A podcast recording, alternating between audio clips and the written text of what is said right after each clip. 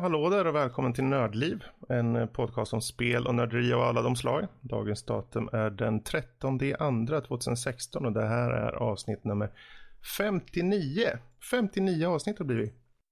Och Yes. alla, alla har varit super, super bra. Men idag är de lite extra bra. För idag Speciellt är vi de väldigt, väldigt många. Vi har sådana filurer så som eh, Danny, Lotta, Rob, Karl och jag, Fredrik. Eh, och eh, nu ska vi gå över till dagens boktips. Nej, det ska vi inte. Vi ska eh, säga lite vad vi idag kommer prata om. Vi kommer snacka lite Overwatch, lite Dying Light The Following. Vi kommer även eh, utmana någon filur på ett roligt spel. Och sen kommer det lite nyheter om Quantum Break och Blizzards eventuella eh, gratis, eh, ja vad ska man säga, WoW går kanske gratis Muta. till alla som Muta kan man se det som. Kanske.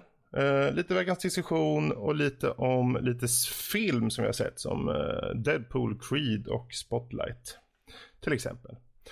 Men eh, ja, vi hoppar rakt in i det hela och på Spel i fokus som eh, vi får börja med våra härliga lille teddybjörn och gosigullpojke Rob Robert Veldarion den slynglige Larsen. Okej. Jag känner att helt plötsligt transporterades jag tillbaka typ ett och ett halvt år i tiden. När vi hade såna här jättekonstiga introduktioner på, var det, var det någon fanboys vi hade det? Kanske. Kanske. Ibland måste man spicea till det lite. Fredrik har nostalgitripp här just nu så tror jag. Ja. Yes. Jösses. Ja, jag har saknat det Fredrik. Dying Light, The Following har du lirat lite på. Mm, yes, jag har eh, fått tag på den. Om vi ska göra förenkla lite då så ställer jag frågan. Vad är Dying Light? Dying Light är ett zombiespel. Är det. Bra. Enkel fråga. Det är ett Dying, Light. Dying Light är en, en, en mash av eh, Dead Island och Mirror's Edge. Är det. Mm. det är så succinkt jag kan, jag kan säga det, i stort sett. Yes. Och The Following är eh, en, en mishmash mellan eh, mellan Dead Island, uh, Mirror's Edge och eh, vilket jävla bilspel som helst i stort sett. Need for speed. Eh, ja, nej, det är mer som typ någon form av Dirt Rally eller något sånt där antar jag. Destruction Derby. Ehm, Okej. eh, ja, nej, men Dying Light Following är ju den, den, den väl efterlängtade uh, DLCn till, till Dying Light. Med en karta typ tre gånger så stor som eh, den vanliga kartan eh, man har. Den är väldigt, väldigt stor. Man, jag märkte det när, när man kom in i kartan. Så, här, ja, men är det- man börjar inzooma. så, sht, Okej, jag var här. Mm. Så zoomar jag ut och bara... sht, direkt, det var ingen sak, sakta utzoomning. Direkt ut bara... Vom, okej. Och du kan inte se hela kartan än som du zoomar ut. Du måste scrolla lite ändå för att kunna se. Mm. Och det var så här, okej, ja, nej, vi, vi slutar kartan än. Nej, där är vi. Men ehm, de kan justifiera, justifiera att ha en så stor karta med tanke på uh, det nya tillägget i, i Dying Light är ju uh, buggies. Eh, Bilarna som man får tag på. Och eh, det är nog en av de få gånger som jag faktiskt ty- verkligen tyckt om att åka runt i en bil i first person. Eh, jag har nog aldrig tyckt om det förut faktiskt. Så du menar att eh, det här med bilspel är inte din grej alltså? Alltså bilspel i sig, vi har haft den här diskussionen förut för länge sedan, men bilspel kan vara roliga, men jag kör dem aldrig i first person, utan jag kör ju Ja, alltid ja, bakifrån. Så, så att, men här så tvingas du ju in i en first person vy när du kör. Och det är, det, det är nog att man kan köra över zombies som gör det lite extra roligt. Som gör att man kan, man kan hålla sig till det på något sätt. Carmageddon. Ja, Mm. nej, men man får ju den här buggen då och den, man kan uppgradera den ehm, med lite olika grejer så att man levlar upp sin driving skill. För man får, Okej. eh, I och med eh, The Following så var det ju också den här Enhanced Edition som, som släpptes. Som eh, fixade till och la upp lite extra grejer. Jag har inte märkt så jättemycket skillnad direkt men ehm, en av de saker de la till var ett nytt skill tree som heter eh, Legend. Vilket ger dig, jag tror det är sex Eh, nej, det, vänta vad det blir 10, 12 kategorier uh, som du kan lägga poäng i varje gång du levelar upp. och du får ju en skillpoäng för varje och du kan lägga 25 som max i varje av de här. Så totalt 250 skillpoints behöver du för att kunna maxa alla de här. Uh, vissa av dem behöver du ju inte maxa eller ens ge dig in på. Det beror ju på lite vad du, vad du är ute efter. Uh, men några av dem är typ att du får lite extra damage bonus med tvåhandsvapen typ och lite sådana. Uh, däremot du får bara tillgång till den här Legend grejen när du väl har maxat ett av de andra eh, fyra skilltreen. Mm. Och ett, det andra skilltree som tillades till var Drive. Eller Driver kanske den heter. Jag kommer inte ihåg nu. Uh, och du, du får ju den såklart. Du får experience i den såklart när du är ute och, och åker. Mm. Uh, så att, eh, och det är en hel del åkande. Eh, det är nästan så att man är, man, eh, du är 30 meter bort, så istället för att gå dit så använder du bilen för att åka. För mm. att det är så pass roligt att köra över zombies. Kul! Och flyga omkring i det. Den är lite jobbig att köra, styra ibland, är den. Speciellt om man råkar lägga på lite för mycket i engine och lite sånt där istället för brake. Uh, då kan det bli riktigt slirigt. Det här med att bromsa, det är bara onödigt. Ja, nej, men du får ju, du får ju den här buggen. Du kan ju uppgradera den som sagt och du har uh, fem saker du kan som du måste hålla koll på för den tar damage när du är ute och åker. Uh, till exempel, åker du på vanlig väg så här, till att börja med så, så tar du ingen skada. Däremot om du åker in i någonting, du åker ut i offroad, kör på en zombie eller fem, uh, så tar din bil skada. Uh, när du är ute och kör på offroad, till att börja med i alla fall, så tar du skada till däck och uh, vad fan heter det? Uh, suspension. Uh, så att, uh, så, att du, så att du tar skada på det. Och det, de bryts ju ner efter ett tag, precis som med, med, dina vanliga, med dina vapen så har du en viss mängd reparationer på de här då innan, du, innan de måste helt enkelt bytas ut. Um, och reparationer måste du ha screws så att du kan leta runt lite på bilar och sånt där. Men du har fem saker som, som du måste hålla, som man har koll på. Det, det är däck, det är uh, suspension, det är uh, jag kommer inte ihåg vad den andra var. Uh, det är Engine och sen är det, det, det, är två till, jag kommer fan inte ihåg vad de heter bara för det. Uh, jag tror en av dem är Turbo. eller något sånt där. Så att de, de tar skada och de kan gå sönder när du är ute och kör och då blir det extremt jobbigt att köra. Till exempel om däcken går sönder så blir det lite slirigt. Du får ingen grepp då överhuvudtaget. Som tur är i och med att du, eh, allt eftersom du levlar upp i ditt eh, driver skill tree så får du nya grejer. Du kan till exempel få, um, vad heter den, heter Cage eller något sånt där. Och den, är, uh, den ger dig extra armor i stort sett så att du kan, du kan ta mer stryk på din buggy. Uh, du är får också en är det typ som en roll cage då eller? Jag kommer inte ihåg vad den heter, men det är, det är ingenting som syns utanpå direkt. Utan det är nej, bara det någon... gör inte det, för en roll cage är byggd på insidan så att du ska kunna slå runt utan ja, att ta skada. Nej, men, nej, men det är, mer att, det är mer att din buggy inte tar damage, när, mindre damage när den åker in i saker. Uh, du kan ta mer stryk. Alltså din buggy kan ta mer stryk. Sen finns det en annan som heter typ offroad. Uh, och den, är, uh, den gör så att du inte tar någon damage till däck och suspension när du är ute och kör offroad helt enkelt. Uh, vilket är väldigt bra. Um, sen så kan du uppgradera de här delarna också för de har levlar. De här olika um, delarna som man hade, de här däcken och sånt där. Um, så att det, det är mycket grejer involverat i den här. Jag har bara scratch the surface när det kommer till, till de här grejerna. Men uh, utöver det så är det lite andra saker som tillagts. Uh, du har till exempel tillgång till pilbåge. Uh, pilbågen var inte så där jätteintressant faktiskt. Um, för att First person uh, bow and arrow är inte så där jättebra. tycker jag inte. Jag har aldrig tyckt att det var speciellt bra faktiskt. Um, de gånger som man stött på det så har det varit väldigt clunky, det har varit väldigt svårt att sikta.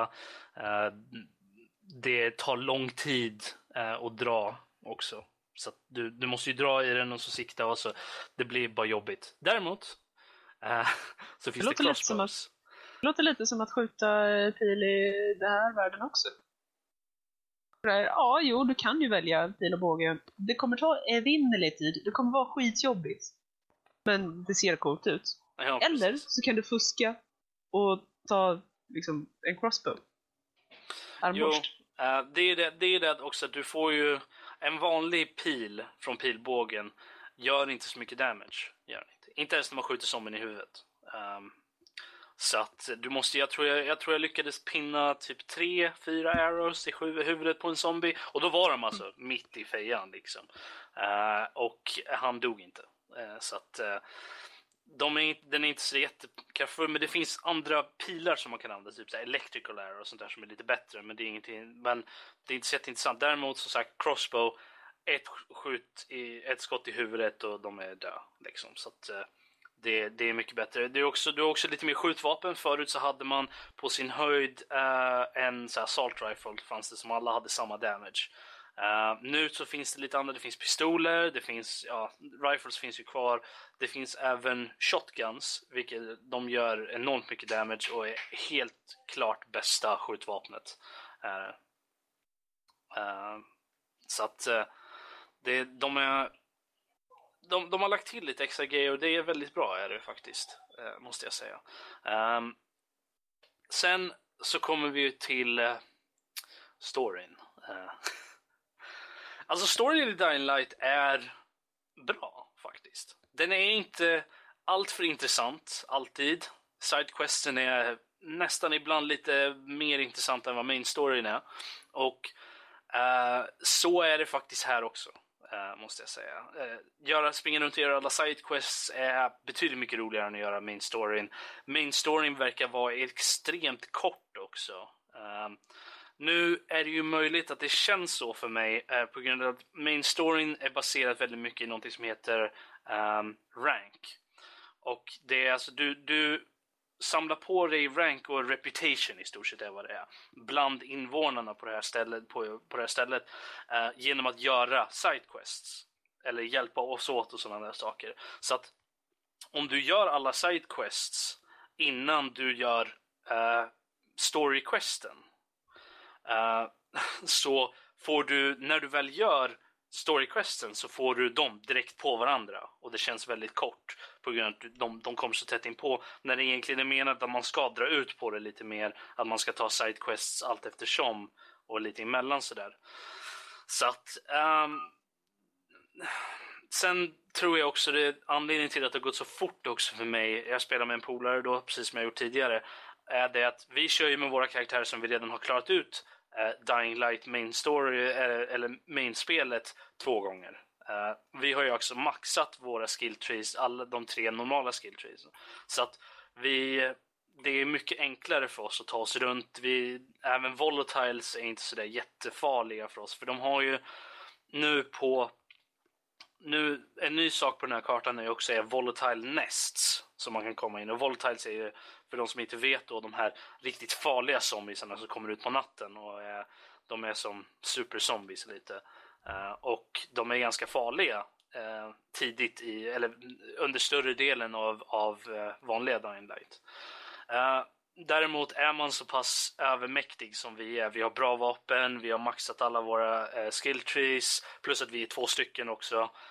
går, man in, går man in i sådana här volatiles nest som är väldigt farliga på dagen då alla volatiles är där så är det ju ganska konstaterat att man ska, man ska gå in på natten när de inte är där för att annars så dör man. Men vi gick in, vi slaktade allihopa och, och mm. rensade ut det så att det var lite, vi var lite mindre rädda för dem då efter det.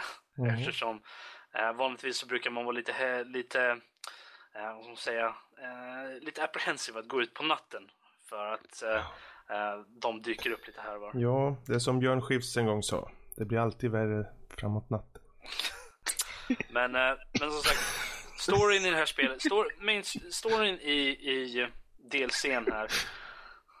Jag tänker på att fortsätta ignorera Fredrik. Um, Om du summerar upp nu då? Alltså summera upp.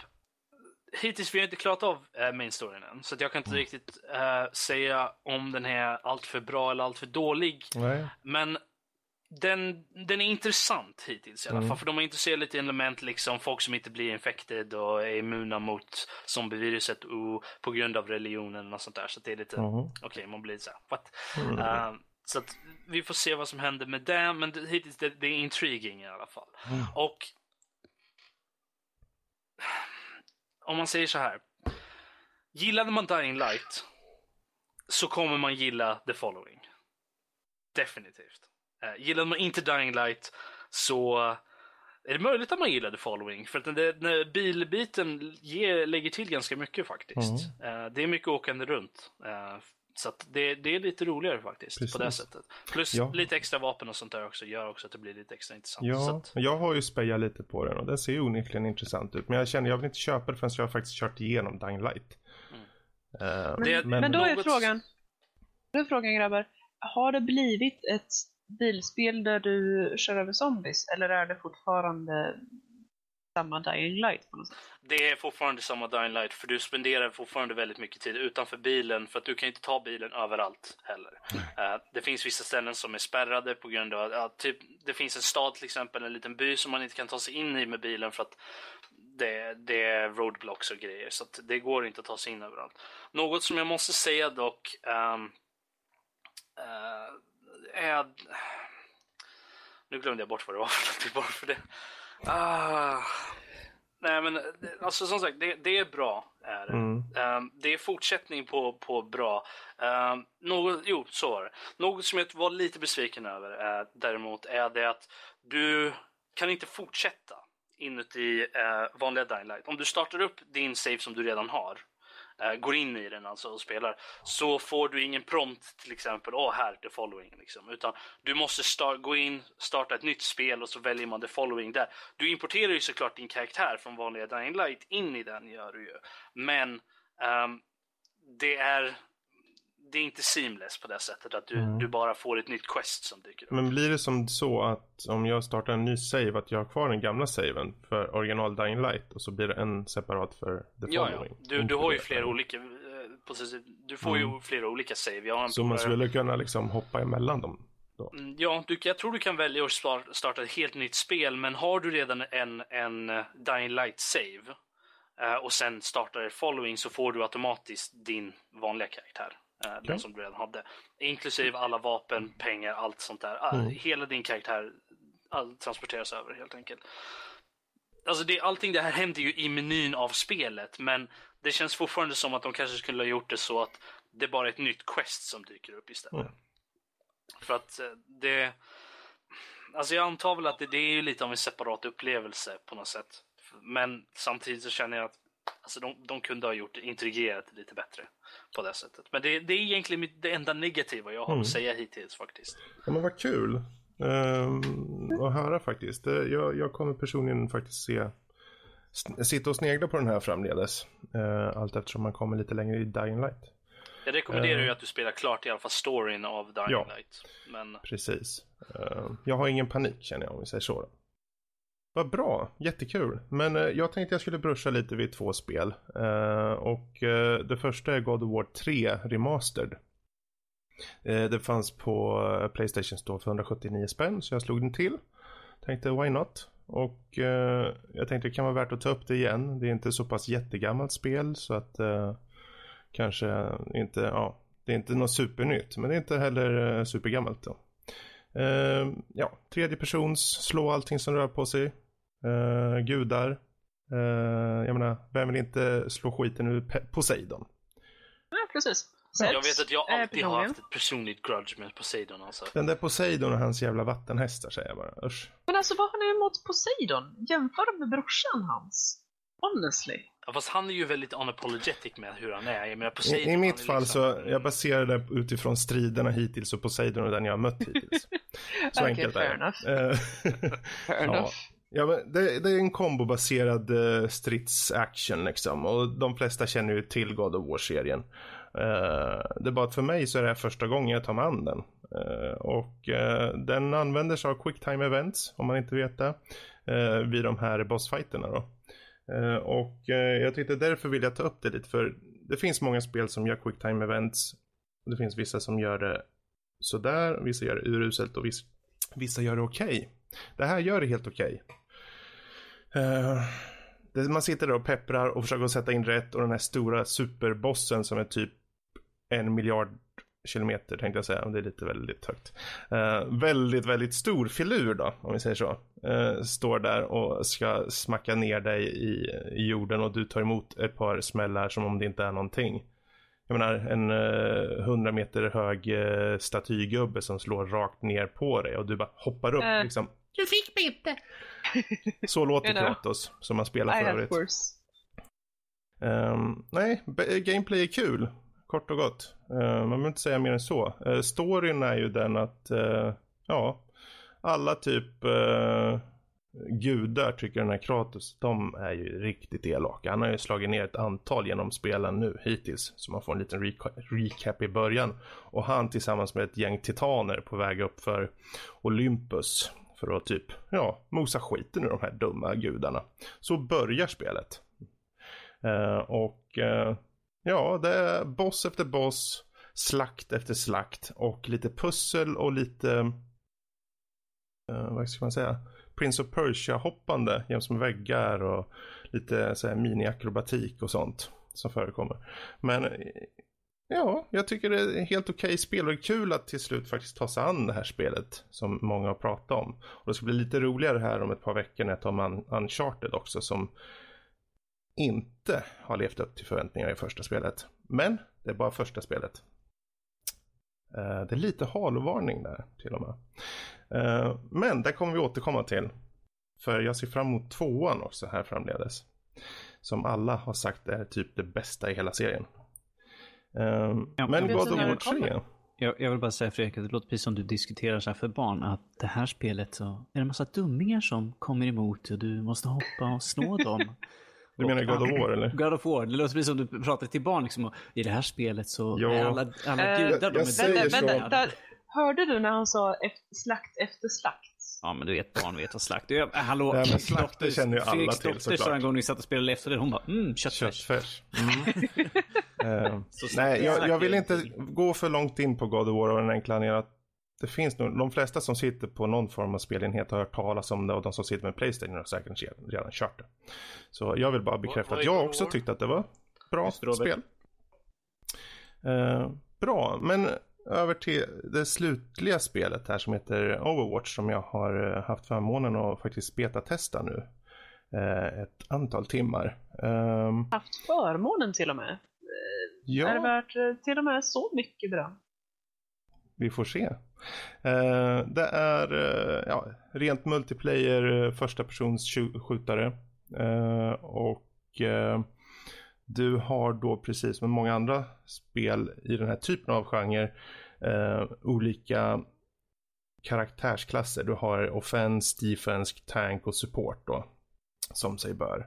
Och du har cirka 6 till 8 stycken karaktärer i varje genre. De är alla väldigt unika i sitt utseende. Uh, och uh, nu är det här multiplayer. Jag vet inte om det finns någon plott i det här. Men jag kan tänka mig att det är väldigt... Ja, det finns det, en backstory som jag har hört för länge sedan. Men den är inte så jätteintressant. Det är typ jag så tror, här, ja, Overwatch det... var någon slags grupp av soldater som skulle vakta jorden och så gick det åt helvete. Och sen så var de tvungna, så disbandade de och sen var de tvungna, nu var de tvungna att komma tillbaka. Och sen så, mm. ja, ja, varje, alltså det, det gick varje... inte åt jag vet att varje hjälte har en individuell backstory ja. också mm. som är väldigt outflashad liksom. Det känns väldigt mm. överdrivet för ett spel där man egentligen bara springer runt och skjuter varandra. Ja. Ja. Jag får med att det inte alls gick åt helvete utan att de faktiskt räddade världen. Men det här var evigheter sedan. Ja, och säkert. folk har liksom glömt bort hur awesome de faktiskt var. Och mm. för att tycka, äh, you know. De där, Nej, de kostar bara skattepengar. När jag har suttit med beta nu så har jag tänkt liksom på de här karaktärerna och framförallt på stories. För man får ju ingen koppling till det i den här betan. Utan man får ju helt enkelt bara testa, hoppa rakt in i en match och liksom bara köra. Även om jag kör kört tutorial också, där finns det så man kan testa att skjuta lite hur de bygger upp sina eh, attacker typ. För om man skjuter tillräckligt mycket så bygger man upp en slags mätare och när den är full då kan du utlösa din gubbes specialattack. Eh, och variationen i de här attackerna, alltså från karaktär till karaktär är väldigt spridd. Det vill säga de, de skiljer sig väldigt mycket i utseende och i, i känsla. Uh, så på det sättet tycker jag de gjort bra. Det, det är tråkiga att det här är Team Fortress. Det här är mm. exakt Team Fortress. Uh, det är bara att Blizzard har gjort det. Så det kommer vara väldigt väloptimerat. Det kommer vara uh, flashigt.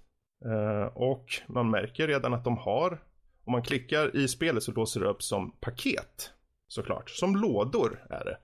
Och i lådorna får du kosmetiska grejer. Du får ja, du kan säga hej på ett snyggt sätt eller du får en ny röst eller ja, lite andra saker så här. Men det är bara kosmetiskt som du låser det. Och det tycker jag, ja, de har sneglat även där på Team Fortress. Um, det, ja, det är inte min genre av spel. Men um, jag ser att det har um, det har saker som den kan komma med och, och eh, ge genren. Som ger lite, eh, lite motstånd mot Team Fortress. Så mm, på, den, på den grunden så kan jag tycka att det, det har något att komma med. Men för mig personligen så gjorde det ingenting egentligen för att ja, jag har sett det förut kände jag. Jag har sett det så mycket och även om karaktärerna när man liksom trycker på dem och de står och vickar på skärten och eh, hejar till dig och jag vet inte vad de gör när du klickar på dem. De är väldigt originella. Men när du väl hoppar in i själva spelet så har du sett det förut. Um, uh, så det är väl inte mer, och jag ska inte döma för mycket på det här för det är ändå, det är en beta och det finns massor med saker och framförallt de som den här eh, spelet riktar sig mot, de tror jag kan faktiskt uppskatta det. Kalle? Ja, eh, jag vill ställa lite frågor till dig för du har mm. spelat. Jag vill ju givetvis testa det för det verkar som ett spel som är i min smak liksom. Mm. Mm. Men ett, en kritik, kritik jag har hört är att det är väldigt grötigt, alltså när det eh, kommer till liksom, ja, när, folk, när man börjar skjuta på varandra, alltså det är bara liksom totalt kaos nästan. Ja. Känns det som. Jo men det är sant. Det, det känns inte som att man får någon, det är inte direkt teambildande än så länge. Eh, det kan ju vara att ju, de matcher jag hoppar in i så har det varit liksom att det kanske alla är sådana här riktiga filurer som mig som känner men jag vill bara testa på det. Jag vill se vad det har för någonting. Så alla springer åt olika håll och det känns som alla, det skjuts hit och dit och i och med att det är så vissa förmågor skiljer sig så mycket från andra. Vissa är rent så här skjuta liksom, bara sikta in och skjut. Missa, vissa andra där liksom de förvandlas till isblock och eh, skjuter is och ja, vissa teleporterar sig och spolar tillbaka tiden gör en lite sånt. Mm. Så det, det känns som att det finns lite av en kontrast mellan dem, men jag vet inte om kontrasterna funkar äh, än så länge. Äh, för som du säger, då blir det lite så här som att vissa figurer har man undrat, men vem ska använda den här figuren? Men är man tillräckligt lång, många så, så då väger väl kanske upp det. Så alltså, det mm? Ja, nej, ursäkta. Jag, jag känner ju just det här, det du sa med att det är ytterligare ett Team Fortress att du har mm. sett tidigare. Det här med de här förmågorna, att spola tillbaka tiden och förvandla sig till isblock. Mm. Det gör alltså ingenting för att få spelet faktiskt kännas som en ny cool grej. Nej, i och med att du ändå måste bygga upp för de här grejerna liksom. Och det är ju det är en special som de har varsin liksom. Uh, så att när du väl har suttit i, säg, en timma, två timmar med en gubbe. Så är det inte som att du på något sätt har liksom låst upp en ny uh, skill eller du har fått någon så här jätte liksom uh, insikt i hur du ska göra på något sätt. Utan det känns mest som att ja, den, den gör på det här sättet. Vissa är bättre än andra bara, känns det som. Det känns som att de på något sätt inte riktigt har gjort optimeringen i balansen än. Eh, och det är väl det som är det tråkiga. Eh, sen, eh, det är väl inte eh, rättvis jämförelse med Team Fortress, det är det ju inte. I och med att de har ju haft flera år på sig på att balansera och så. Och även de har ju lite udda inslag i, i, i sitt spelupplägg. Men hittills har det känts lite så här, hmm, ja. Eh, fast å andra sidan, det är Blizzard. De kommer optimera skiten ur det här tror jag. Jag, jag litar på dem ändå. Uh, och än en gång är det så att man faktiskt får ihop 5-6 pers och kan sätta sig så kan det nog bli en, en, en, ett kul spel. Jag menar multiplayer-spel rent generellt brukar vara ganska roliga när man hittar rätt folk. Det handlar ju om rätt folk i många fall. Mm. Uh, men i de matcher som jag haft hittills har det varit precis som Kalle säger där, att det varit lite grötigt. Uh, just för att vissa skills skiljer sig så pass mycket att de känns, de passar inte in, känns det som. Ja. Det, eh, det. Sen så känner, nu, nu antar jag bara massa så stoppa mig om jag hittar på skit här, men det känns ju mm. som mhm. att eh, det, de siktar ju, det känns som att de siktar på att det här ska bli någon form av e-sport nästan. Eh, mm. Och då eh, tror jag de, de, vill ju, de vill ju skapa eh, karaktärer som, som eh, kräver en viss eh, mån av koordination för att det ska funka ja. ihop. För jag vet, eh, det finns ju, jag, kommer, jag tror det är Symmetra, jag kommer inte ihåg, och hon kan ju skapa tel, alltså portaler och sånt där så man kan komma snabbare upp till fronten och så, alltså sådana mm. grejer. Jag menar, och, och det ser man ju också i, i TF2, liksom, att du, mm. det, det är liksom den här blandningen med korrekt konjugation som gör att det funkar. Liksom. Mm. Eh, vidare kritik som jag har hört också till Overwatch just nu är att eh, alltså, spellägena i sig är ganska oinspirerade. Och de, ja. Det, det är ju det här payload som, jag vet inte, heter det ens payload? Ja, det heter payload. Ja, uh. från vi har sett från TF2, man ska bara liksom knuffa en, en, en vagn liksom längs med hela banan och mm. sen så har du det där vanliga eh, domination liknande. Med du ska ja, bara... Point capture och control. Capture. Fast det är, inte det, är det inte riktigt meningen att det ska egentligen bara vara ett generiskt spel, generiskt, vad man säga, multiplayer-spel eller vad man ska säga, ja. fast med en egen spin på det, alltså på mm. rent estetiskt. Det, det, det känns alltså, nästan som det. Blizzard, det här är liksom ett ytterligare steg i att Blizzard vill göra sin tagning på den här genren. Mm. Alltså, de har ju Hearthstone, vilket är, en, det är deras tagning på uh, Collectible Card Games, uh, likt mm. Magic the Gathering. Och så har de ju Heroes of the Storm, vilket är Precis. deras Moba. Liksom. Så det här är ju bara liksom en, en, ytterligare en av deras tagning på en viss uh, genre. Mm. Uh, och jag ska inte säga mer än så just nu för jag vill spela det först. Och jag har hört mer saker jag har hört bra, hört bra saker, jag har hört mm. dåliga saker och sådär. Ja. Nej men eh, ja, för att summera upp då. Det, det, det, har sina poänger. Det har en del saker som jag ser kan göras bättre i både balansering och optimering av spel. Men det, och det ser ju sött ut, gör det. Um, um, men för mig så räcker det inte. Men det kan vara att jag, jag personligen kanske inte är den rätta målgruppen. Utan det här skulle kanske vara ett spel för Kalle att sätta tänderna i till exempel. Eller Lotta kanske, för den delen. Mm. Um, ja, du sa ju att det var sött Fredrik. Så. Ja, ja precis. Så, så, så, så det vore intressant att se er take på det. Um, men det som är intressant i det här fallet, det här är ju ett spel som faktiskt kommer kosta ut i handeln. Uh, det här får du ju faktiskt köpa. Det blir inte free to play det här va? Nej. Nej. Stämmer.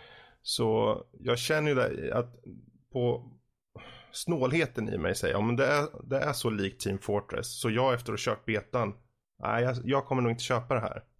Um, och jag tror att det finns många som kommer tänka ungefär likadant. Och det blir lite så här, ska de köra på, ska de verkligen köra på en betalmodell på det här? Eller ska de köra free to play? Jag vet inte. Å andra sidan, de, ja, det är Blizzard. Jag ska komma med en eh, på djupet analys snart. När jag väl, om jag får beta-tillgång snart. Blizzard Absolut. Mig, Absolut. Men vi låter det bli sista ordet för Overwatch. Eh, ett eh, fint liten beta som har eh, tryckts av där helt enkelt. Och så hoppar vi vidare till den här veckans utmaning. Ja, utmaningen. Um, den det är här... när vi andra sitter och alldeles eh, skakiga av nervositet. febrilt. Ja. För vem är det idag som får lov att utmana Fredrik? Vem kan det vara som ska utse ja. ödet åt För er som kanske hoppar in så här lite eh, helt apropå i vår podd så är det så att i utmaningen så utmanar vi varandra på olika spel.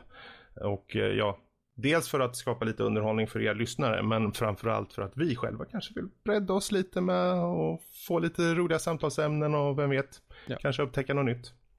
Nej, nej, det är för att fråga varandra. Säg som det Ja, ah, jo. Eh, jag tror, alltså jag tror aldrig att jag skulle bara kört Chrono Trigger bara sådär liksom. Så att, eh...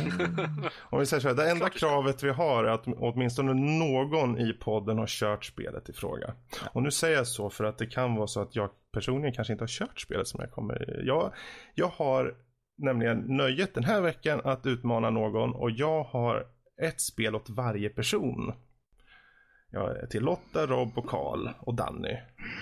Men okay. frågan är ju vem ska jag ta? Vill du ha en random number generator eller? Vi tar bort Rob.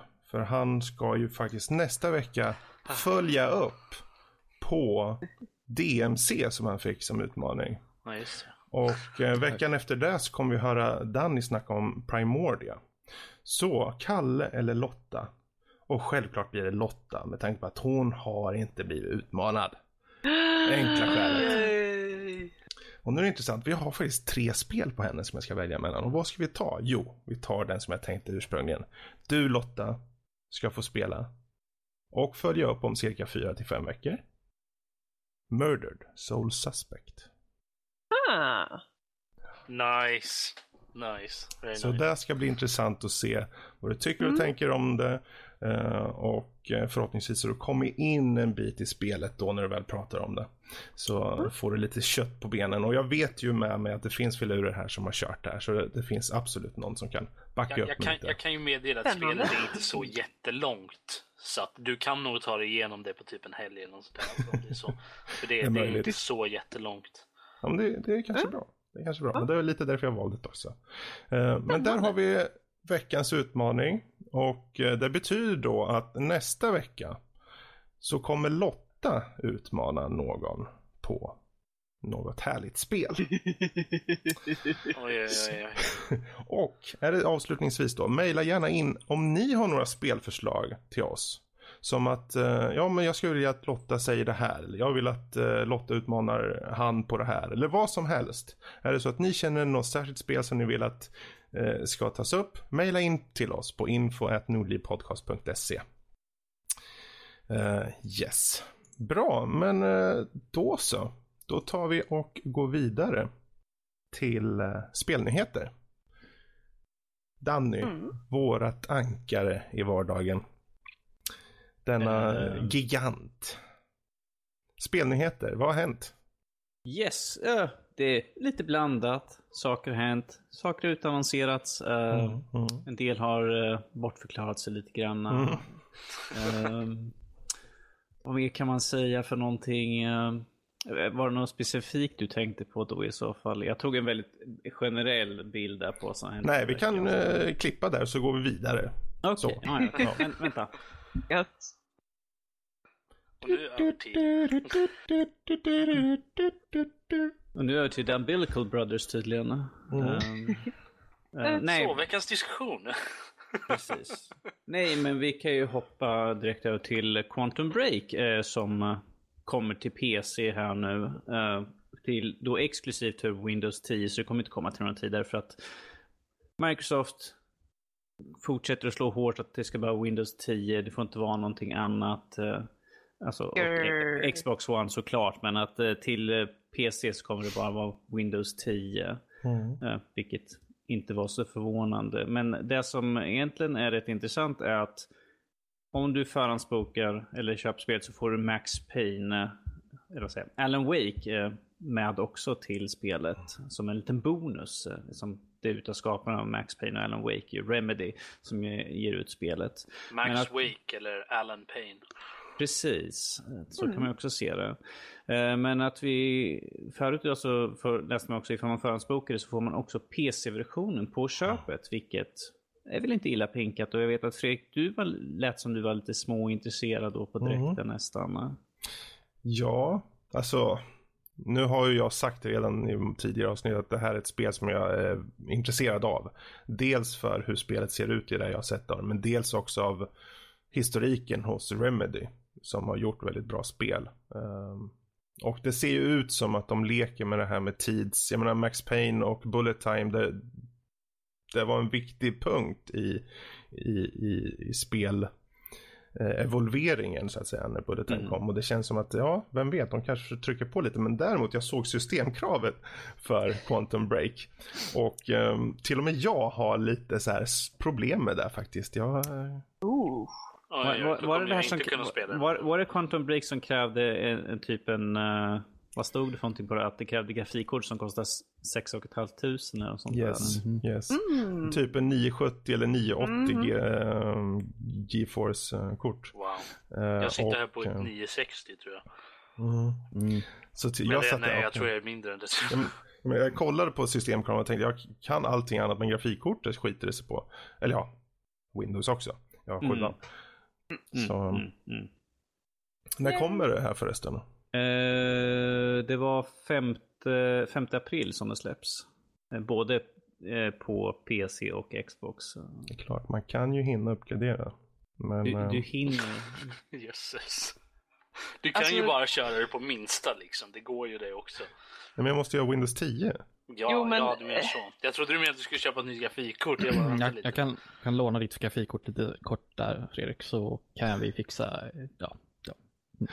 Alltså, jag, jag kom ihåg att göra en komplett skärmavbildning och, och säkerhetskopiera allt så att du kan gå tillbaka till Windows 7. Gör men du, Lotta, jag, jag, egentligen, nu, det här är ju ett tredjepersonsspel. Så jag skulle faktiskt kunna tänka mig att köra på Exponen. Mm. Mm.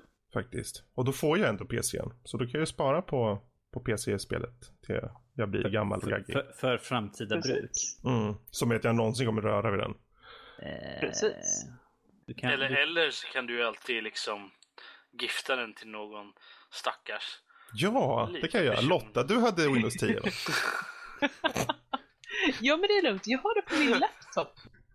Det min fruktansvärda ondska hybrid till... Men du Rob, du vill jag inte ge den till. Nej. Jo, jag, jag förstod att det var, det var det hållet gick åt. Eller? Eller? Man kanske ska göra en utmaning av det. Mm. Det vore väl nice? Eller? Precis. Nej, jag, jag, tycker det är väl kul att de har fått ett fast datum och framförallt att eh, det blir cross-platforming på riktigt. Där känns det som. Uh, och säga vad man vill om Windows 10 men de promptar ju verkligen för det här med att de vill få sina spel. Fiska på det här att liksom Windows 10, Windows 10, Windows 10. Ja. -huh. Sen är ju frågan vem som klarar om den kraven, men i alla fall liksom. Ja, men som ja, sagt, spel, spelindustrin eller hårdvaruindustrin ser väl det här som ett, som ett plus. Alltså hårdvaruindustrin just nu, de, de, de springer runt i en ring, dansandes, hållande händerna, sjunger Kumbaya My Lord. Liksom det, de är så glada nu. VR och fläskspel, alltså det kan inte bli bättre. Jag såg ju min bror eh, Såg du din bror? Min, jag såg min bror gjorde jag. Jag bara tittade på honom. Okej, okay. moving on. Nej, nej, nej, men han, han är ju väldigt inne in i det här med hårdvara och sånt där. Så han skickar ju mig grejer bara för att även om jag inte förstår vad han menar. Jag, bara, jag vet inte vad det där betyder. Vadå? Jag har GX 9, 5, 6, 7 eller något sånt där och jag bara, jag vet inte vad du pratar om. Och det där, den har ju liksom de här och de här grejerna. Jag bara, rätt över mitt huvud. Jag har ingen aning vad du pratar om. Men han skickade mig en sån här, eh, det var en graf var det. Mm. Som visade då uh, hur, hur teknologin hoppar helt enkelt. I och med uh, nya grafikkorten. Mm. Och det var liksom så här från, från, jag tror det var nio någonting till nästa generation efter det. Så var det så här jättehopp. Var det. det var alltså mer än vad vi har gått hittills. Liksom. Och man sitter mm. och tänker, ja, ja okej, det kommer ju vara svindyrt. Oh. det, det, var allt jag tänkte. Det var allt jag satt och tänkte. Det kommer vara svindyrt, det har inte jag råd med så jag bryr mig inte. Nej. för, för det, det, ja, det är coolt liksom. Ja, okej, okay, coolt. Vi, vi kommer klara oss mycket mer liksom och sådär grejer. Men, men vad fan jag, jag har inte råd med det. Så att jag, jag, för att kunna köra det där grafikkortet så måste jag uppgradera resten av min dator. Och det har inte jag råd med. Ja, fast jag, jag måste ändå säga emot de här systemkraven lite grann. För att när man kräver det bästa grafikkortstillverkare har att erbjuda så börjar det lukta dålig optimisering. Fast det är ju troligtvis max-grafiken då antar jag, eller? Mm. Ja, jag tror 970 var på rekommenderat. Jag tror 970 ja, Enligt på... Svea klockor så är det 980 Ti eller Fury X, vilket är det bästa som de har att erbjuda. Jaha. Så att, och en 4790 90, alltså från Intel, vilket är bättre, det, vilket gör att min processor inte ja, tål måtten. Då. Uh, alltså det skulle ju vara om de har verkligen siktat på att göra det skitsnyggt med skuggor eh, och lightmaps eh, och occlusion och vatten och ja, precis. Och reflektioner och så vidare.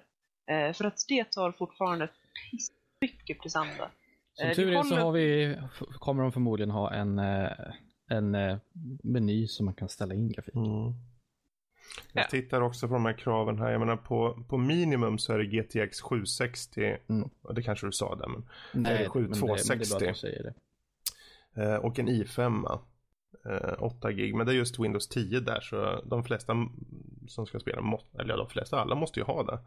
Um, och rekommenderat är 970 uh, GeForce GTX 970 och en uh, på AMD-sidan Radeon R9 390. Och Ultra, då ska det vara mm. GeForce GTX 980 eller R9 Fury X. Klargör det. Uh, och det... observera de här processorerna i skärmarna i 7 det är alltså inte de gamla hedliga Sanderbridge-processorerna som kom, utan det här är nytt skissel.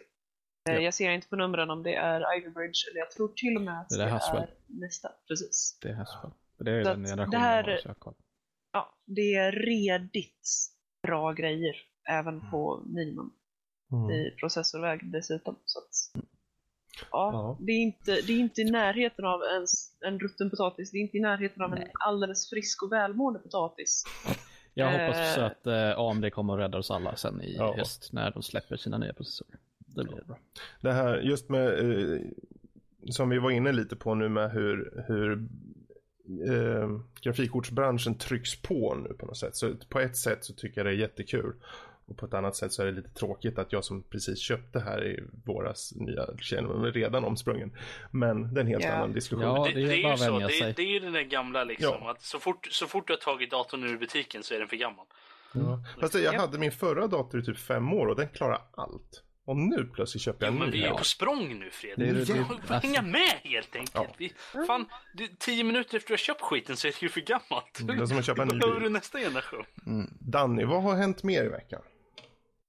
Ja, ni, jag trodde ni ville fortsätta prata om Quantum Break. Okej. Okay. Jag kan um, fortsätta prata om Jag är intresserad av spelet, så det är resten. Mer, mm. mer behöver inte jag säga.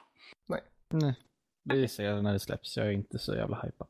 Precis, får vänta, vänta ett tag helt enkelt. 5 april, som sagt, släpps det.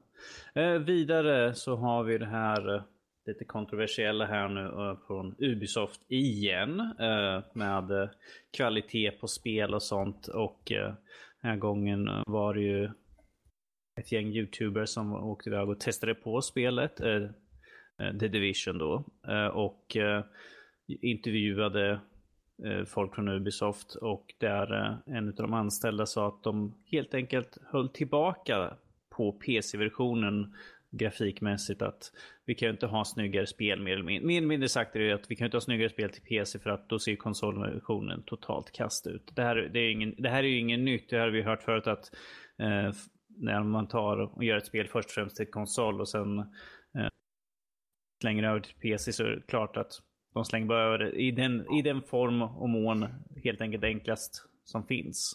Istället för att uppgradera det snyggare. Ingen, det finns inget dedikerat PC-spel liksom att vi måste göra allt så snyggt som möjligt. Vi har betydligt mycket finare och så, men Ubisoft har ju gått ut eh, med kommentarer att det, det stämmer inte alls. Det, att det, vi ska, det, ifall det är en som uttalar sig så är det den. Det är mer eller mindre den här.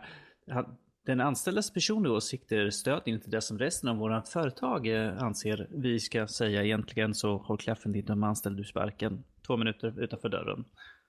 Mm. Alltså, hur många, hur många tror att det, det kommer bli så? Att den, blir neg- att, den inte, att den kommer hållas tillbaka från potentialen?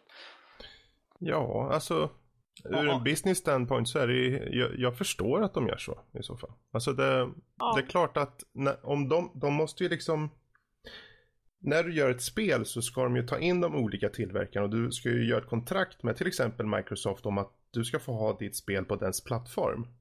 Och det är klart att de kommer att ha krav det är ju inga konstigheter. Och eh, om de ser att det blir en stor skillnad från till exempel PC till Xbox. Eller om det skulle vara en stor skillnad mellan Xbox och Playstation 4 till exempel. Då är det klart att de eh, river till liksom. Så jag tror att det finns ju mycket, det finns många lager liksom som, som, som, som man behöver gå igenom här då för de här. Och det finns en det finns ett logiskt tänkande i att det faktiskt är på det här sättet. Sen mm. kan man tycka vad de vill om det, för jag tycker det är skit. Men... Eh, alltså, jag kan väl inte ja. säga att jag bryr mig sådär jättemycket egentligen. För att, jag menar, så länge det ser okej okay ut. Jag menar, Ja, men jag är inte sådär som ja, Det är själva idén tycker jag som är jo, skit. Alltså, för ja, att de jag håller rent med. på pappret säger ja men vi drar ner det för att det skulle vara orättvist för de andra, till exempel. det, är, då, det är sån där, det är sån där, då, då tycker jag liksom, ja, jag förstår men jag tycker inte det är bra. Alltså jag, jag, det, det, när du beskriver det sådär så känner jag liksom att ja, men det låter som så här när man, när man gick på dagis. Eh, så här, för, eller så som det är nu. När man säger nej men den där, den där ungen han får inte vara bättre än min unge. Mm. Liksom. Alla ska känns... vara lika. Tyst Robert. Ta det lugnt nu. Tyst Robert. Karl. Jag höll upp handen. In. Nej, okay. mm. Det här känns Karl. som en jättedålig ursäkt. Jag hade, jag hade gått med på det om de sa att vi, vi vill inte stoppa i resurser i PC-versionen, vi orkar inte göra det snyggt, bla bla bla. bla. Det hade jag yeah, gått med fine. på. Uh, men det här är ju bara en jättekass ursäkt. Vadå orättvist? Vad, vad ska ens det betyda? Det är kass hårdvara i de nya, nuvarande konsolerna. Det är bara... Äh. Så. Mm. Det handlar ju om en potential också. Det finns en potential i spel som jag tycker utvecklare säkerligen Alltså som utvecklare vill man ju göra så bra man kan antar jag. Ja, liksom. Och har du en plattform som PC så vill du ju briljera. Du vill göra så mm. bra som möjligt. Och sen så kommer liksom till exempel kanske några klausuler någonstans hos Microsoft eller Sony som säger det här måste ni dra ner för att det ska finnas en, en en ganska likartad stil, eh, utseende på spelet rakt över så att ingen liksom föredrar den ena för den andra. Och jag kan förstå, alltså, jag hade förstått om, alltså för PC, nej generaliserar här, men jag skulle påstå att vi, har, vi som spelar på PC har lite högre krav. Alltså det ska, vi förväntar oss vissa funktion, viss funktionalitet. Alltså vi ska ha bra, äh, menyerna ska det finnas bra alternativ för all grafik och man ska kunna justera hit och dit. Och det ska vara, gärna vara upplåst äh, framerate, det ska vara ditten och datten. Jag menar, och då förstår jag att utvecklarna tycker det är jobbigt. Men... Äh, mm. Men alltså jag tror att jag tror att när det kommer till sådana här saker så så, så ser man ju lite varför många väljer att utveckla till PC snarare än konsol. Uh, många sådana här crazy spel som man ser som är det helt är såhär, en, wow. Det är, det är, en fri plattform, du behöver ju inte, ja. behöver ju inte, det finns ju ingen PC-overload som du måste ha kontrakt med. Det som Nej, men alltså jag, tänker, jag tänker även, jag tänker även när det kommer till sådana spel som gör lite extra på något sätt. De, de har den där lilla konstiga lilla extra grejen som... Kanske att de, de, de testar lite mer nisch, nischade spelmekanik eller något sånt där. Jo, liksom. men det är det jag menar på. Liksom att, all, all, ofta när man ser de här riktiga spelen som är liksom så här, wow, vad fan var det där? Uh, det där, så där har jag aldrig tänkt, det där har jag aldrig tänkt på förut liksom. Alltså att man kan göra sådär, det är, det är möjligt liksom. Ofta så ser man ju det på PC, det är inte alltid sant. Det är, inte. Det, det är klart, det är inte alltid sant. Portal är ett väldigt bra exempel på där det inte är sant. Men... Ja, Stanley Parable. Ja, det är ju. PC. Är det Ja, det är bara PC.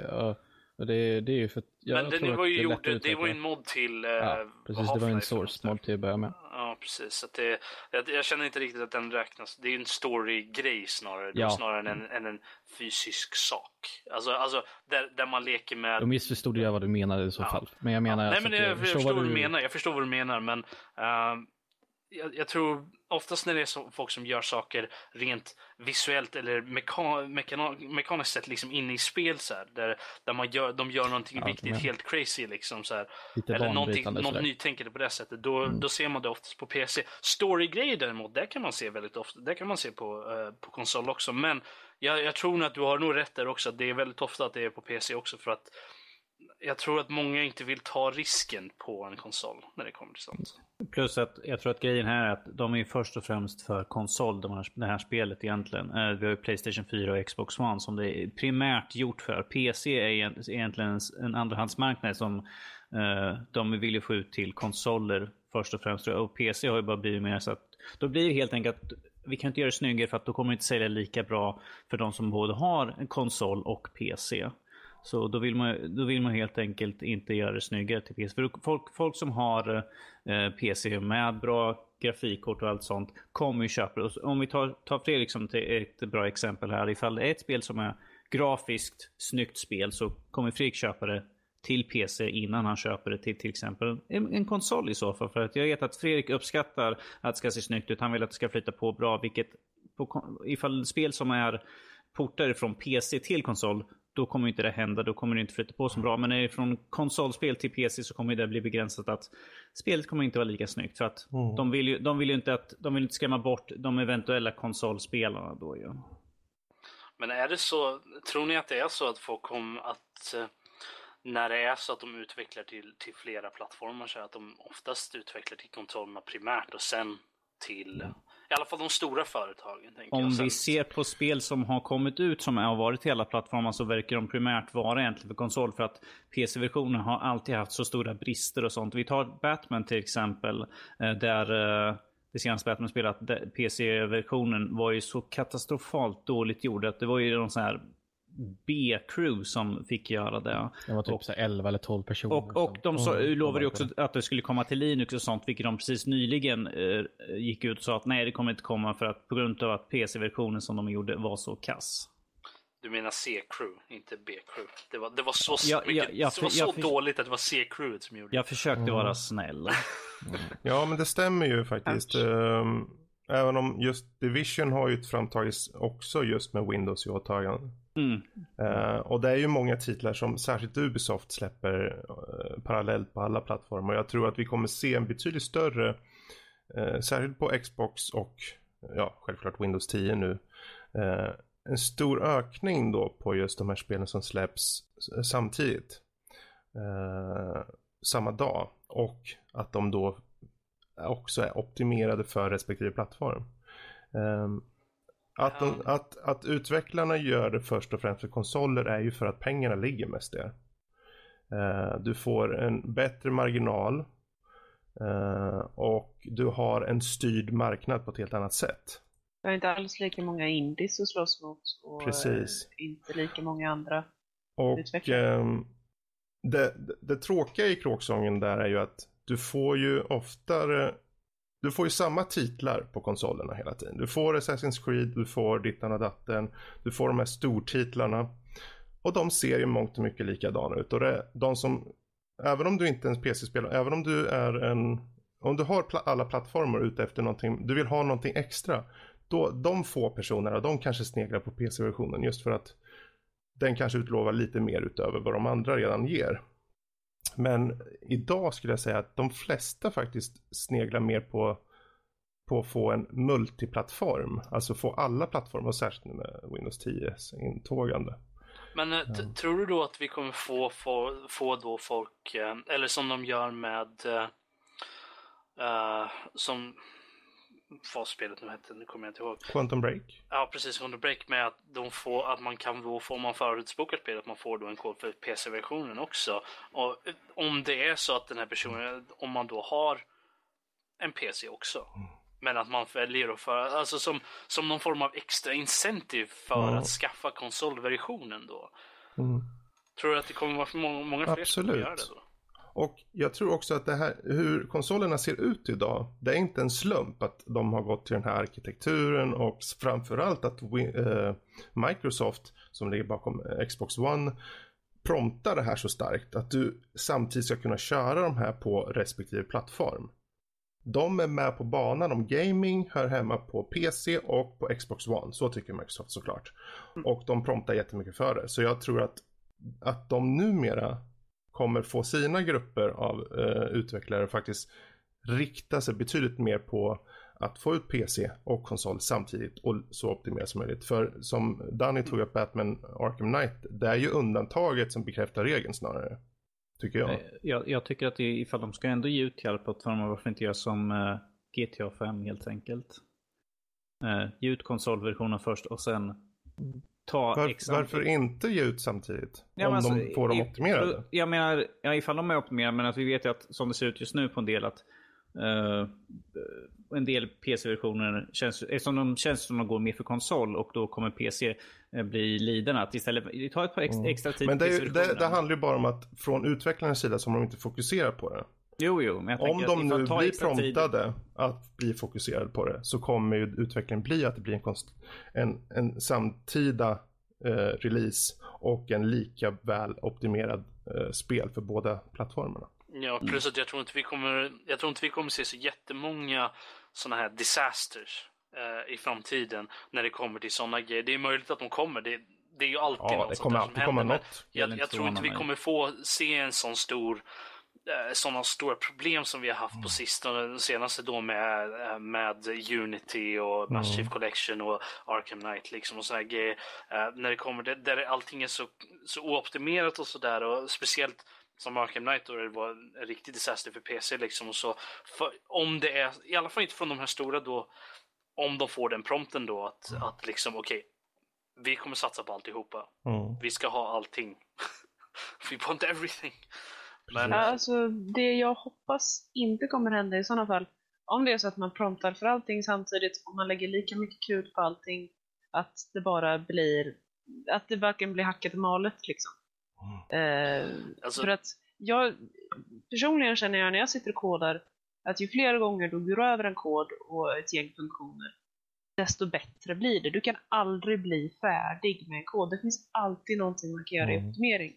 Och även om man sitter för två olika plattformar så är det ändå en hel del kod som är gemensam.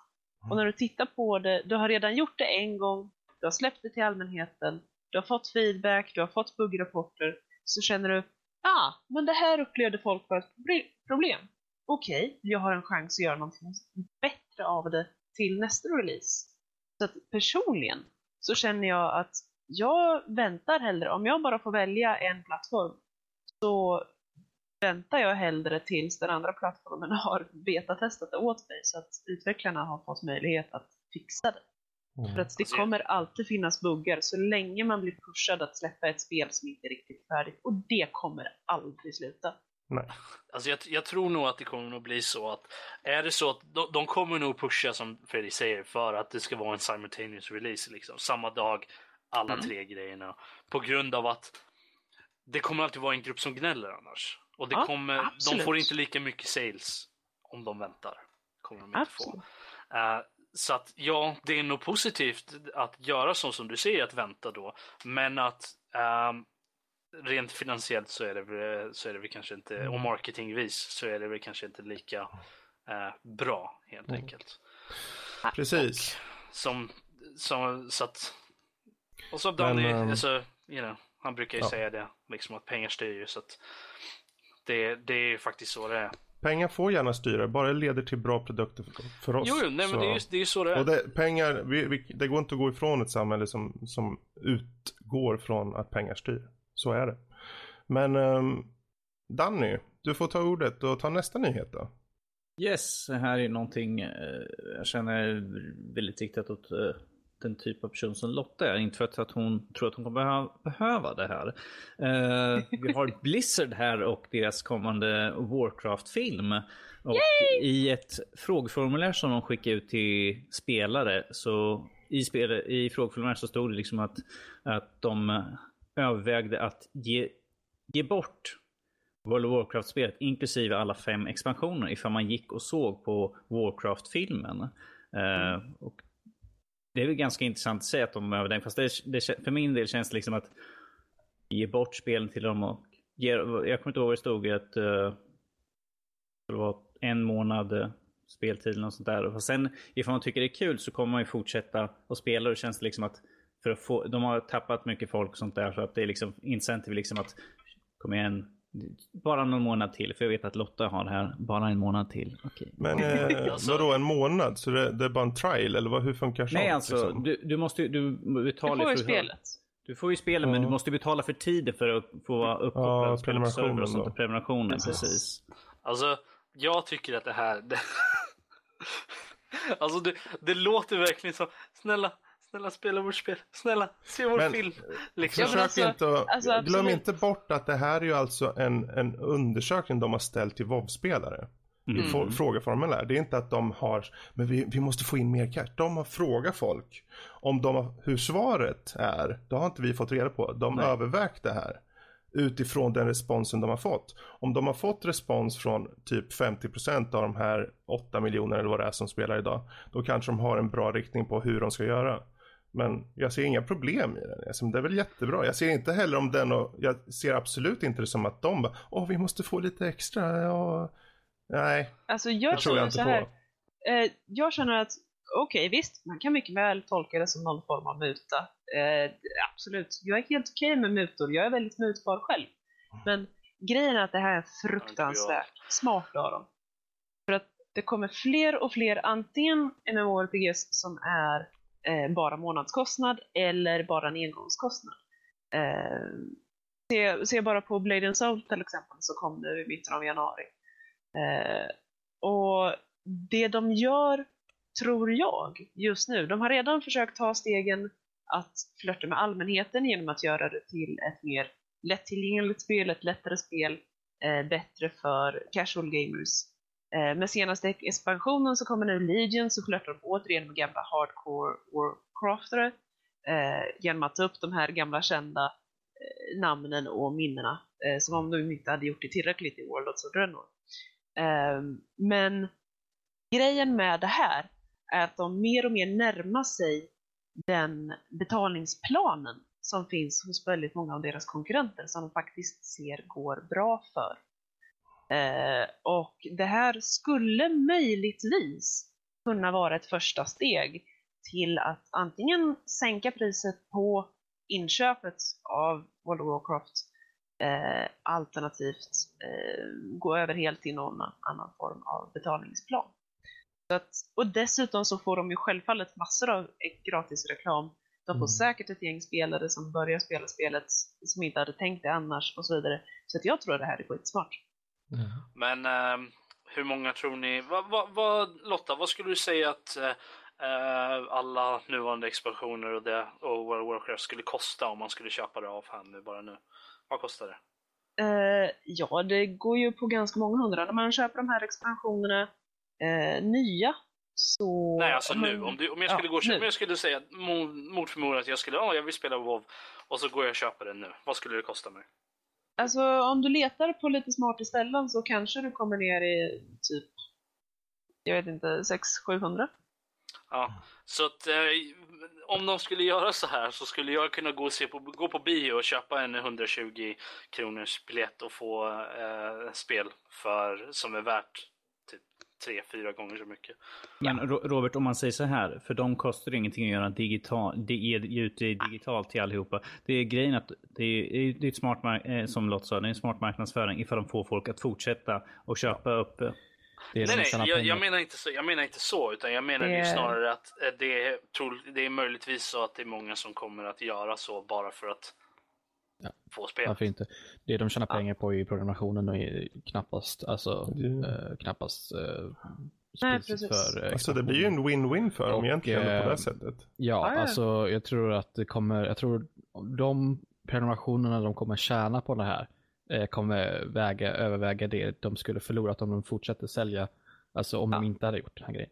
Eh, Plus. För att de, Plus. de tjänar inga pengar på gamla expansioner än. Fortfarande. Alltså, så. Plus att uh, de får ju uh, en högre rating på Box Office. Uh, får de definitivt. Ja, Även om folk bara går för att köpa, går för att spe, få spelet.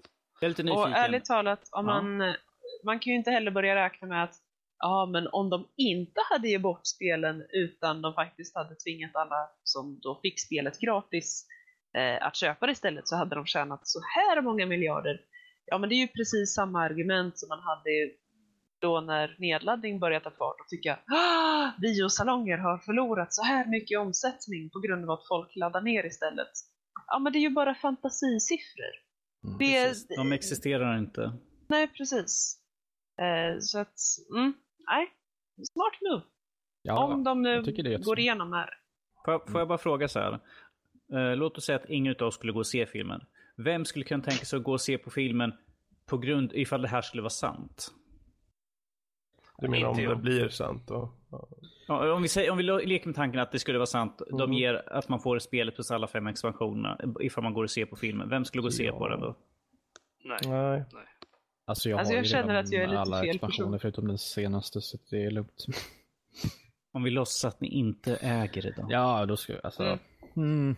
Fast jag tror inte, det, är inte, det, är, det går inte att fråga Nej. så för de har ju redan spelat spelet och äger och Det här är liksom lite extra strössel på glassen. Liksom. Det, är, ja. det är bara lite, lite mer för att locka. Alltså, det, det, det är ett mervärde. Ja. En mer, mervärde bara som de ger. Frågan... Ett eventuellt ja. mervärde. jag, jag skulle tro att det är... Om... Jag sk... ja, ursäkta. Kör, kör, du. Nej men kör, kör. Eh, jag skulle tro att det är mer det här att de som går och ser filmen, de har inte spelat spelen men de går och ser filmen och tycker jäklar vad episkt. Gisses vad coolt det här verkar. Och sen får de det här, ja ah, men du vet, du kan fortsätta ditt eget äventyr. Här varsågod, mm. ha en kopia. Ja, det är eh. klart. Och sen kommer de vara jättebesvikna när de sätter sig och spelar där istället och får inte samma upplevelse. Okej, okay. ja. jag ser vad Men, du menar. Ja, alltså om vi säger det är ju precis så jag också tror faktiskt för att om de bara får en tiondel av dem som faktiskt sätter sig och spelar att mm. vara kvar, då har de vunnit på det.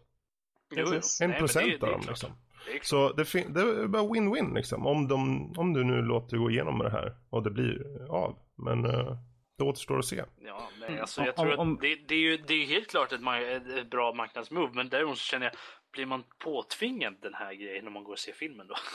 Nej, det är klart. Får en sån här, okej, okay, du, måste, du måste ha det här, nu ta det här! Du får väl en kod eller något. Ja. Precis. För då vill jag inte gå och se filmen. Om, om, vi, om vi säger så här, jag kommer, jag kommer gå och se filmen. Jag kan ja. absolut ingenting om World of Warcraft. Eh, jag har, jag har, jag, jag har spelat de gamla Warcraft-spelen, men jag, det var liksom mest för att för, för genrens skull. Jag, jag brydde mig absolut ingenting om egentligen vilka karaktärer. Jag kan absolut ingenting om dem. Så jag skulle behöva Lotta sitta bredvid mig. Hon bara, det här är den här, det här är den här, det här är den här. Jag bara, okej, okej, okej, okej. Jag kan ingenting. Jag vill bara se den Har du ett flödesschema man kan kolla på? Eller? Precis, jag skulle behöva. Om vi, om vi säger så här. Om de skulle ha att man fick med spelet. Jag skulle spela månaden som var gratis. Sen skulle jag mm. inte spela någon mer. För att jag, jag, skulle vilja, jag skulle vilja testa på spelet. Men jag är inte beredd på att betala pengar för det. Det där är precis vad de är ute efter. Mm. Ja. Just den att det jag kommer vara, på. Det kommer vara en liten ett litet antal som kommer stanna kvar. Och det är ju det de är ute. Jag, jag kan ju säga så, jag är ju våldsamt anti Voff är jag. Voff, okej. Okay. Voff, voff, voff. Jag, jag är, det, det är också anti. Voff är också väldigt anti. Du, uh, en dag ska jag presentera dig för Yoda. Hon kommer uh, ändra dig. Men, Lotta, jag vill bara säga och påminna dig nu om att nästa vecka är alltså du som utmanar någon på ett valfritt spel. Så tänk på det. Mm. Vad vill du säga Rob? Uh, Var det nej, någonting... Nej, jag tänkte säga eh, att jag är ganska stolt över att jag inte kan någonting av, om, om Warcraft. jag är inte riktigt säker på om jag vill gå och se filmen heller. Det är möjligt att jag, ja, jag säger det nu, att jag kanske laddar ner filmen istället för att inte ge dem några pengar. Vad har du emot dem?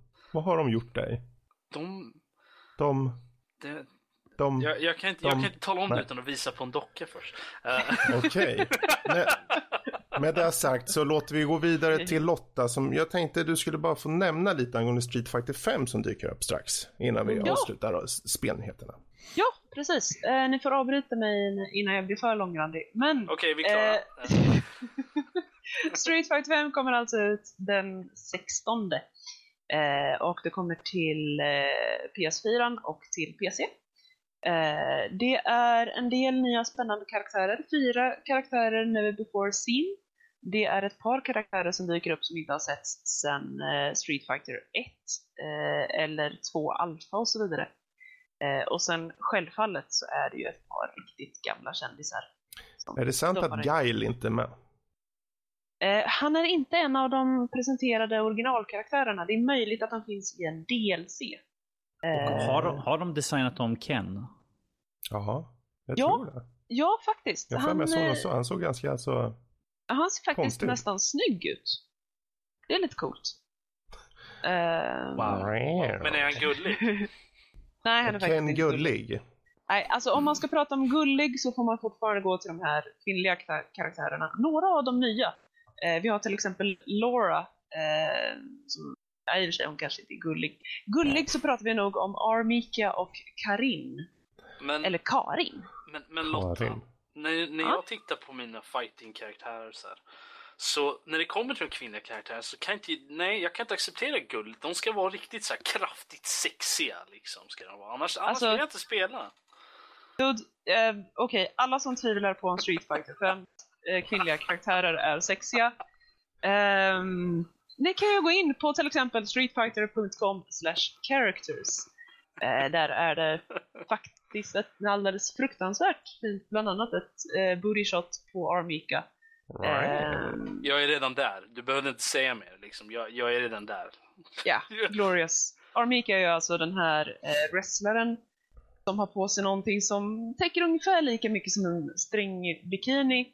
Eh, jättelångt blont hår och så vidare och hon tag-teamar tillsammans med sin tag-team-partner. Och en av hennes superattacks är ju bland annat då att hon tillsammans med sin tag-team-partner ruppar folks ansikten. Vad sa att hon gjorde?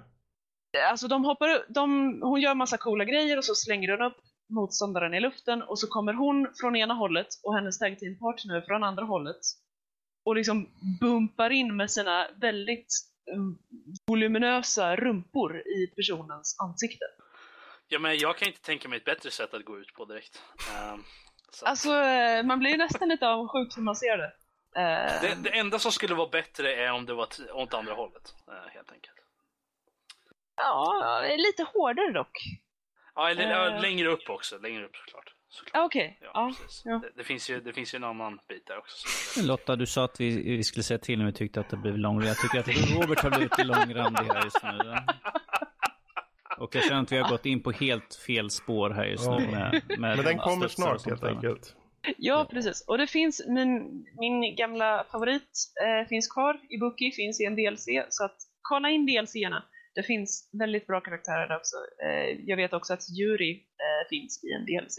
Så att är ni intresserade av Street Fighter, kolla in femman, släpps den 16. Nya, ny cool, super awesome combat-mätare.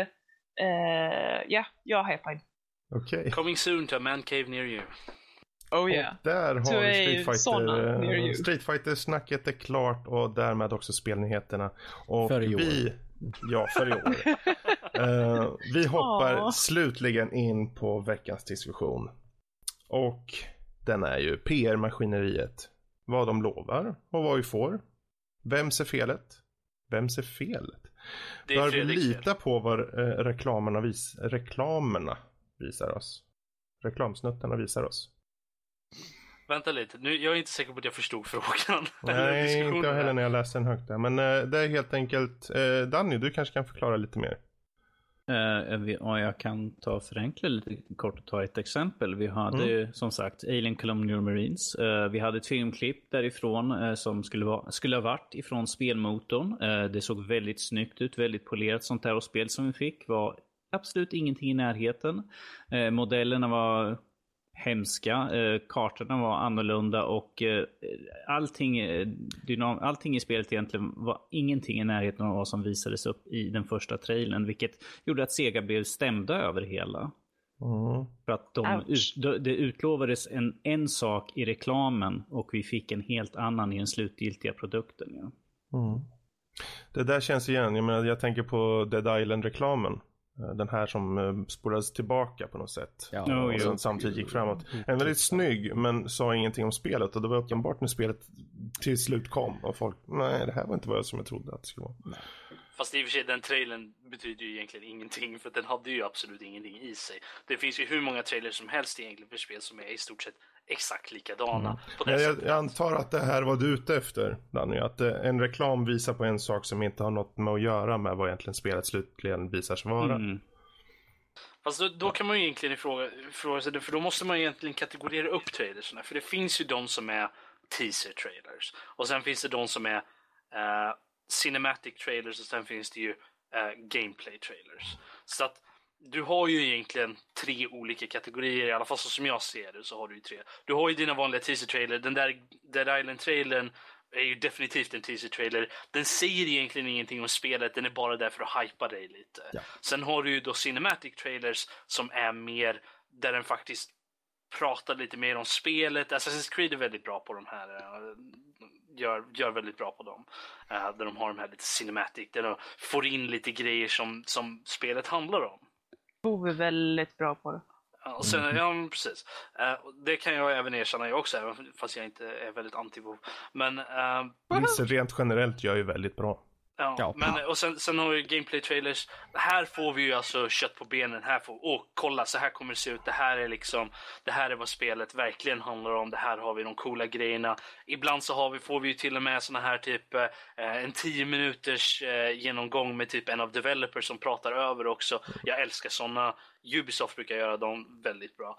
Um, där de visar upp de här cool, lite coola grejer inom spelet med spelmekanik och lite sånt där. Så att Uh, och det är ju lite, då får man ju titta på vad, vad man egentligen um, vad man har sett för någonting av, av de här då. Och om man känner att man har blivit lurad på något sätt utifrån dem. För, känner, för har man sett bara en teaser-trailer och känner, känner sig lurad så känner jag liksom, då, då har man inte egentligen någonting att komma med tycker jag inte. Alltså... Såvida inte de har missrepresenterat allting helt. Jag menar den här, uh, den här Dead Island-trailern, det var zombies i den, det är zombies i spelet. Jag menar, mer än så behövdes egentligen inte, för det var ju liksom det som spelet handlar om egentligen.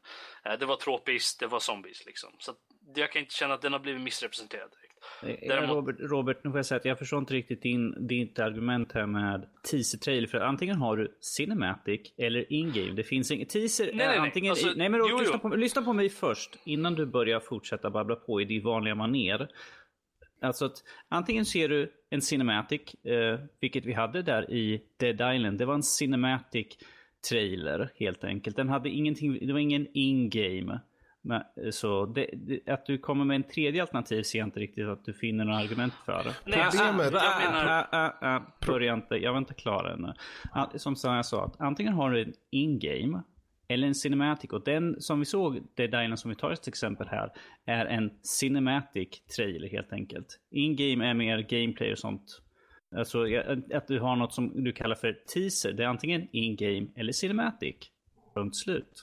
Vad vill du ha sagt där, nu då? Där var ju faktiskt, det är en, en väldigt välvärdig poäng där att, för du tar upp Cinematic och Teaser. Jag tror att som en Cinematic så är det extra viktigt att den motsvarar spelet. För den ska på något sätt visa upp storyn i spelet. Den ska visa upp en känsla för hur spelet är. Där fick du en jättebra känsla för något som absolut inte var på det sättet. För Dead Island var ja, det var absolut inte som den trailern på något sätt. Uh, men det är bara ett exempel. Jag tror att det som du var inne på Danny och vad, vad den här frågan uh, kommer ifrån är ju just det här som du tog upp. Uh, Colonial Marines. Mm. Du har en utvecklare som kommer ut och pratar mångt och mycket om ett spel och framförallt visar gameplay. Visar hur det ser ut i spelet och pratar om så här kommer det vara. Det kommer vara bästa spelet någonsin. Och sen när det kommer ut så blir alla Batman, uh, Arkham Knight, att det är sunkigt på så många punkter och kommer inte ens i närheten av till vad utvecklaren eller PR-personen pratade om. Att folk känner sig lurade rent av. Och det är väl det. När, hur långt får PR-personal gå i, i, i, i, i sitt liksom för, uh, skapande av hype inför ett spel? Hur långt får de gå?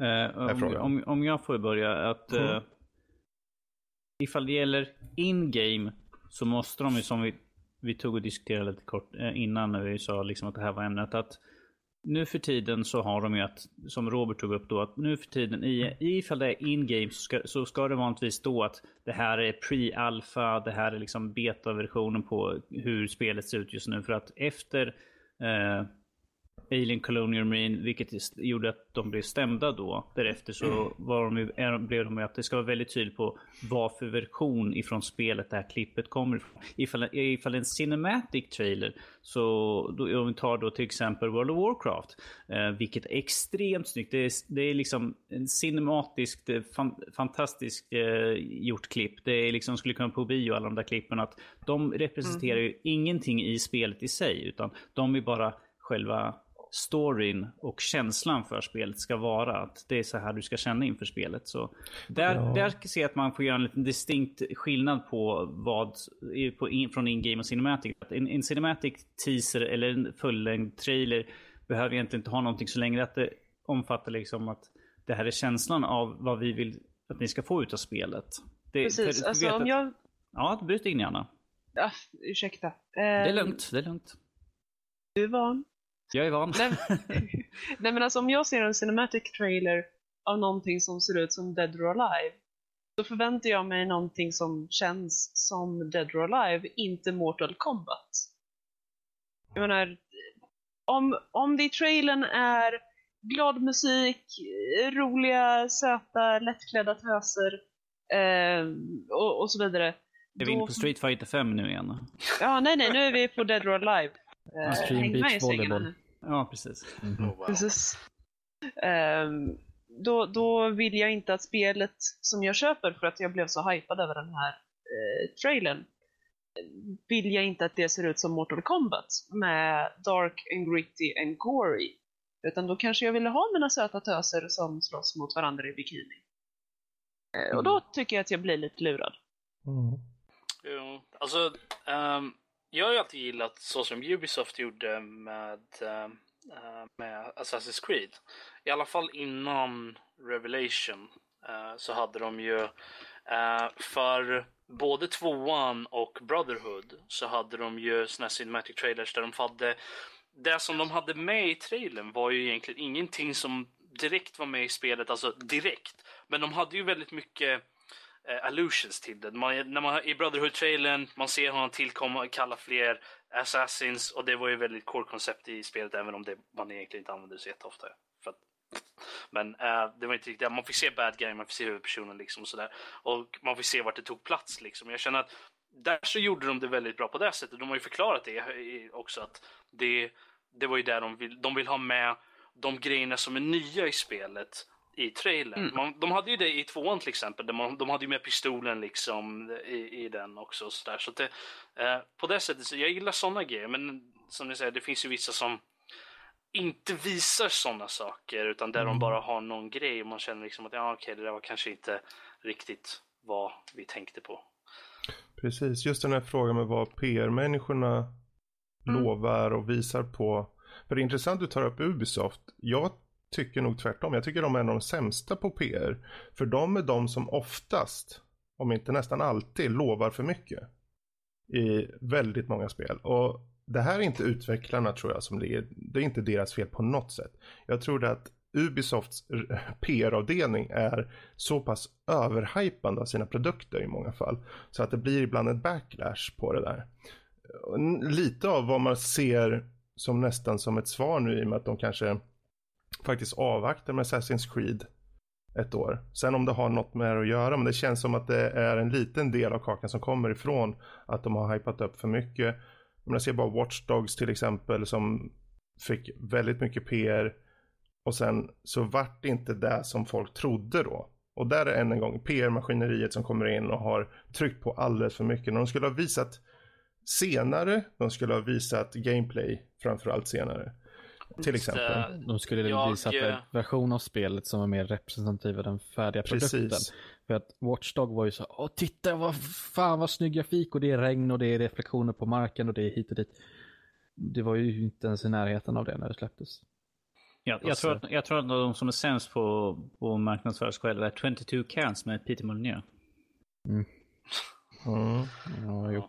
Fast jag tror, jag tror nog att jag har inte sett så många av de andra Ubisoft-grejerna utan jag tänker mest på Assassin's Creed liksom och jag har vidhåller faktiskt att en av de bästa trailersen jag eh, någonsin har sett, fast nu var ju det faktiskt in-game men, eh, som de hade den, men för eh, Revelations, den trailern var eh, enormt hypande faktiskt. Jag, jag tror att men det är just det som är kanske problemet, att det var enormt mm. hypande. Men jag, I alla fall gillar, jag gillade spelet också. Spelet, ja. den, den hade, det, fast där, just i Revelation så var det ju faktiskt så att den biten de hade med i trailern var ju faktiskt en bit i spelet också. Det var ju alltså intro cinematiken till spelet.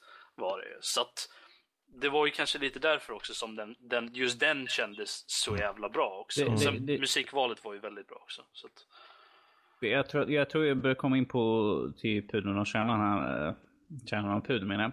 Pudelns kärna. Pudelns kärna, precis. Att det, det är att i trailers just nu för tiden så försöker vi få med alla på hype tåget mm. helt enkelt. Att, mm. åh, kolla på det här, kolla på det här. Om vi tar Assassin's Creed, kolla våra nya vapen, kolla vi, våra nya sätt vi kan ta oss fram över kartan. För att ta Call of Duty eller något sånt där, kolla den här stilen har vi och titta här har vi zombies igen och vi har alla de här häftiga sakerna. Åh, titta, om vi tar till exempel Quantum Break. Åh, du måste ha det här grafikkortet för att kunna klara av spelet för att våran grafik är så häftig. Kom igen, bli alldeles hypad just nu. Och där ligger problemet, att man försöker hypa upp saker för mycket och sen när det kommer liksom bara shit, vi kan, inte, vi kan tyvärr inte göra alla de här häftiga sakerna.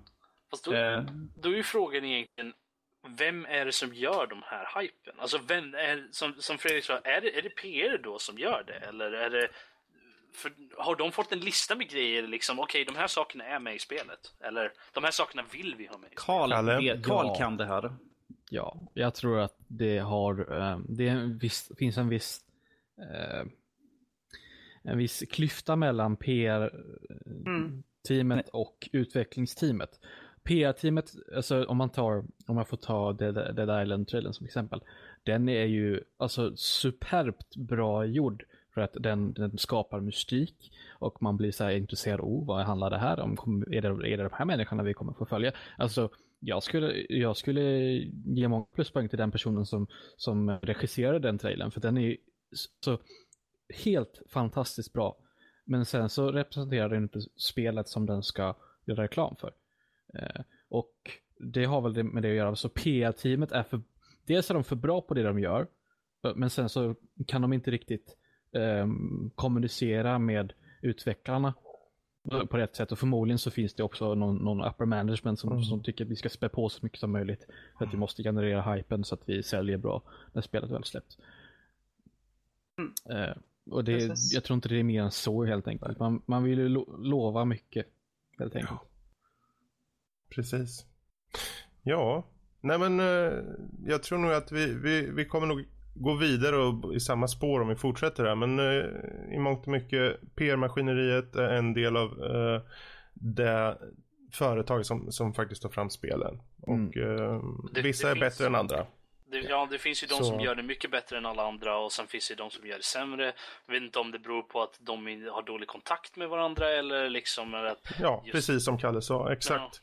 Ja, ja men uh, du får ursäkta att jag bryter lite, men vi försöker gå vidare. Um... De lovar för mycket, punkt. Exakt. Ja.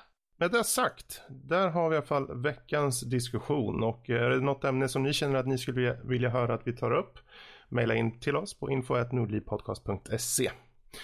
Och med det sagt så hoppar vi vidare till övriga nördämnen. Och eh, ja, vi har lite filmer och lite serier och annat här. Och eh, jag tänkte faktiskt ta eh, bollen först. Så jag kan Gör det. skjuta iväg de två som jag har. Eh, och jag vill egentligen först bara ta upp två filmer. Den första heter Spotlight. Den kom ut för inte så länge sedan. Eh, det är baserat på den sanna berättelsen om hur tidningen Boston Globe, tror jag de hette, avslöjar den här massiva skandalen med övergrepp på barn och eh, även mörkläggning inom det lokala katolska ärkestiftet. Eh, något som kommer liksom att skaka upp egentligen hela katolska kyrkan på, i hela världen.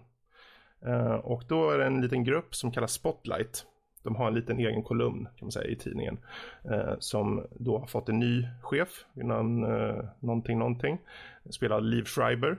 Eh, mm. och han säger det här, jag ser att de här nyheterna om eh, övergrepp har kommit och gått jäms med år men det är inget ni har tagit itu med. Kasta allting ni har och fokusera på det. Jag vill se vad som händer. Och det är startskottet för, för något som blir väldigt världsomskakande. Problemet som de har lite vid ett ögonblick är att Samtidigt som det händer det här som de försöker bygga upp den här nyheten så sker 9-11 och eh, då tappar många fokus. Um, filmen är väldigt sparsmakad i sin regi. Uh, det här är en film som jag skulle till exempel vilja se Danny se bara för att se hans reaktion på hur de väljer att filma, hur de väljer att låta skådisarna uh, agera. För det är väldigt jordnära skådespeleri. Du har Mark Ruffalo, Rachel McAdams, Michael Keaton, Stanley Tucci med mera, med mera. En jättefin ensemble och alla är riktigt bra skådespeleri. Särskilt Mark Ruffalo. Tycker jag. Och de är lågmälda, de är jordnära och framförallt känns riktiga.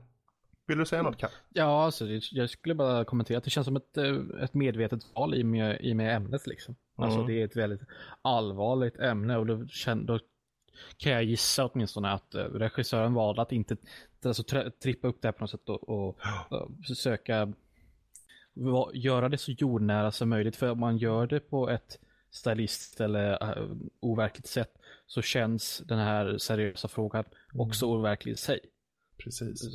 Det är ju en allvarlig sak med ja. barnövergrepp. Det, det, det som många har tänkt på när de har sett filmen är att just för deras reaktion på det som faktiskt visar sig ha pågått sedan typ 70-talet, så ännu tidigare, får de först och inte riktigt fatta det. Att de inte riktigt förstår magnituden av vad som har pågått här. Men när det väl slår ner i en av karaktärerna, vad som faktiskt har hänt, så får det en så pass stor skön kontrast i filmen. Att man känner wow, det är på riktigt, det känns på riktigt på många sätt. Jag personligen skulle i alla fall vilja rekommendera att se den här. Jag förstår att den är Oscars nominerad. Uh, jag vet inte om den vinner. Den, den är inte en perfekt film. Det finns lite i rent tekniskt man kan tycka lite tråkigt ibland och tempot kanske lite uh, borde i vissa fall ökas på kan vissa tycka. Även om jag personligen tycker det är väldigt skönt hur tempot är. Men uh, jag personligen tycker i alla fall att det, det är en bra film. Helt mm. enkelt. Jag, jag, får väl gå och kolla på den och ge mitt utlåtande på ja. den tekniska biten då av ja. filmen. Alltså du, det kan ju, just, rent generellt är det intressant att höra vad ni alla tycker om filmen. För det är en film som baserar på verkliga händelser och så. Så det finns alltid ett mått av, är det här verkligen på riktigt så? Men om man kollar upp nyheterna efterhand så ser man att allting stämmer i princip. Mm. Så, men eh, med det sagt så går vi över till något annat som också porträtteras väldigt realistiskt. Och det är Creed. Vet ni vad Creed är för någon film? Yes. Jag yes. har hört premissen men jag, jag har inte sett filmen än. Jag borde är, är inte det bara Rocky fast nu? Ja, nej. Typ. Bara, bara. Rocky är en bifigur egentligen. Men han blir en stor karaktär i filmen. Um, man får följa istället uh, en kille som heter Adonis Johnson. Han är son till den uh, bortgångne Apollo Creed. Som var med i tidigare filmer och gick bort. Förlåt, jag måste bara avbryta. Det är alltså Adonis som mm. är son till Apollon. Ja, Apollo, ja, precis. Okej, okay, ja. ja jag, um, ursäkta, gå on. Jag ville bara yes. Det här, det här är egentligen, det är ju i mångt och mycket en Rocky-historia. Alltså man får se den här Donis, uh, han har ju, hans pappa var ju Apollo Creed som var väldigt rik. Så han har ju haft medel, han har haft alla möjligheter att göra vad han vill. Men ändå är det just uh, det här med boxning som har kommit in. Och han är ju i mångt och mycket lite av en uh, bastard skulle man nästan kunna säga till Apollo Creed. Mm. Uh, och uh, han försöker liksom göra upp för sig själv vem han är, vad han står för och så vidare i relation mot sin bortgångne far. Och det är där som det handlar om i mångt och mycket. Men för att bli så full, för att liksom få ut sin potential så tror han då att den gamle kompisen till sin gamle far är den rätta vägen, vilket är Rocky Balboa spelad Sylvester Stallone, som är Oscars-nominerad för den här rollen. Och jag hoppas verkligen han vinner för den. För han gör en riktigt fin tolkning i den här filmen. Han, han får för övrigt, det är inte en spoiler, det är lite av en premissen för filmen att han senare i filmen får cancer. Rockys karaktär. Och det handlar inte bara om en kamp i boxningsringen, det handlar om kamp i livet, det handlar om kamp i att överleva, att hitta sin väg och så vidare. Och rollprestationerna i den här filmen är riktigt fina. Um, precis som första Rocky så handlar det om drama fullt ut. Det här är inte Rocky 4 mot Drago, eller vad han hette den här ryssen. Mm. Uh, utan det här är drama.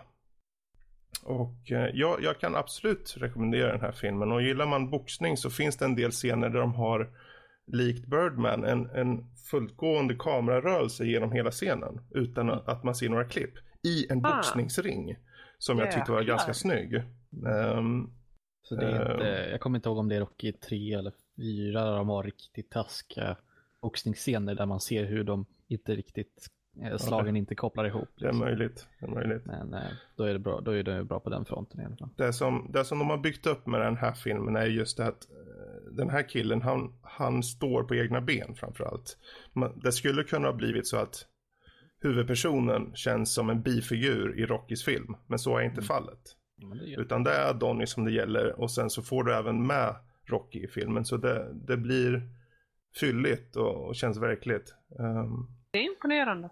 Ja, jag, jag, skulle tycka det var jätteroligt om Sylvester Stallone fick eh, en Oscar för den här. Eh, visst, filmen är inte världens bästa film. Den har en del klichéer i sig och precis som Star Wars-filmen som kom, som på vissa sätt har många likheter med till exempel första Star Wars, så har den här filmen många likheter med första Rocky. Mm, det var det jag tänkte fråga faktiskt, eh, om, ja. om det är så det ligger till. Det är så det ligger till. Men frågan är, hur gör man det relevant? Jo, man, man ändrar om lite saker och jag tänker inte säga någonting mer om det, men man ändrar om lite saker, ändrar om lite förhållanden och därtill lägger till den här episka berättelsen nästan av Rocky. För man ser ju nu i slutet av hans livstid så att säga hur, vad som har hänt i hans liv också. Man får en tillbakablick på han, mm. vad han tänker och känner och så. Då, alltså Rocky, för, i alla fall första filmen var ju en typisk eh, underdog berättelse. Mm. Det är den här, eh, den här stackars kraken som, som över, vinner över alla, alla sina eh, hinder här i livet. Jag antar att den kanske följer samma spår lite grann. Ja, och det är intressant för där Rocky var en arbetarklass som verkligen var under all för, förmåga på något sätt att hitta sina vägar. Så mm. har ju Adonis alla möjligheter att nå sina vägar men ändå väljer boxning. Mm.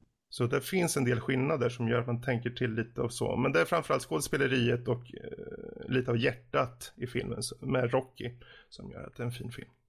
En grej som jag skulle tycka var väldigt intressant eh, det är att höra Sylvester Stallone tala om den rollen. För att Rocky var ju på många sätt också en, eh, en filmatisering om hans egen kamp att faktiskt mm. lyckats eh, ta sig dit han vill i livet. Precis. Eh, trots eh, handikapp och så vidare. Mm. Och, alltså, Sylvester Stallone är ju tyvärr väldigt underskattad. Uh, många mm. ser ju han som bara actionhjälte. Och mm. kanske inte har den här kopplingen mot uh, Rocky, mot första Rambo som faktiskt är PTSD, uh, mot Copland eller andra mer dramabetonade roller. För det är där han kommer ifrån i mångt och mycket. Och sen gått över till 80-talets actionhjälte liksom. Men, men det, det jag verkligen skulle vilja höra det är att just det här i och med att han då går tillbaka till den här mer seriösa, en mogen, mer eftertänksam karaktär också. Mm. Eh, och en karaktär som borde stå något fruktansvärt nära, som borde vara väldigt intim för honom. Mm. Att då stå och säga jag har cancer. Mm. Det skulle kunna vara väldigt tufft. Ja, det är det. Och det där i de situationer när han när han liksom står inför valet för han har tagit sig an jag skulle vilja prata om den här filmen så mycket. Han har tagit sig an Adonis. Eh, och sen får han veta det här då. Men han väljer att inte berätta det för han, han är en fighter. Han vill inte gå ner. Han vill inte vara den som lägger sig ner. För Adrian som var hans fru då. Hon gick ju bort i cancer. Så han har sett det förut. Mm. Så det finns så många lager liksom som, som ligger där. Och eh, Ja, det, det, det, är en fin, en fin film tycker jag. Ja, Rob. Behöver, jag har inte sett någon, någon Rocky-film överhuvudtaget. Har jag inte. Behöver jag se ettan åtminstone för att kunna se den här? Nej, jag tror inte Nej. det.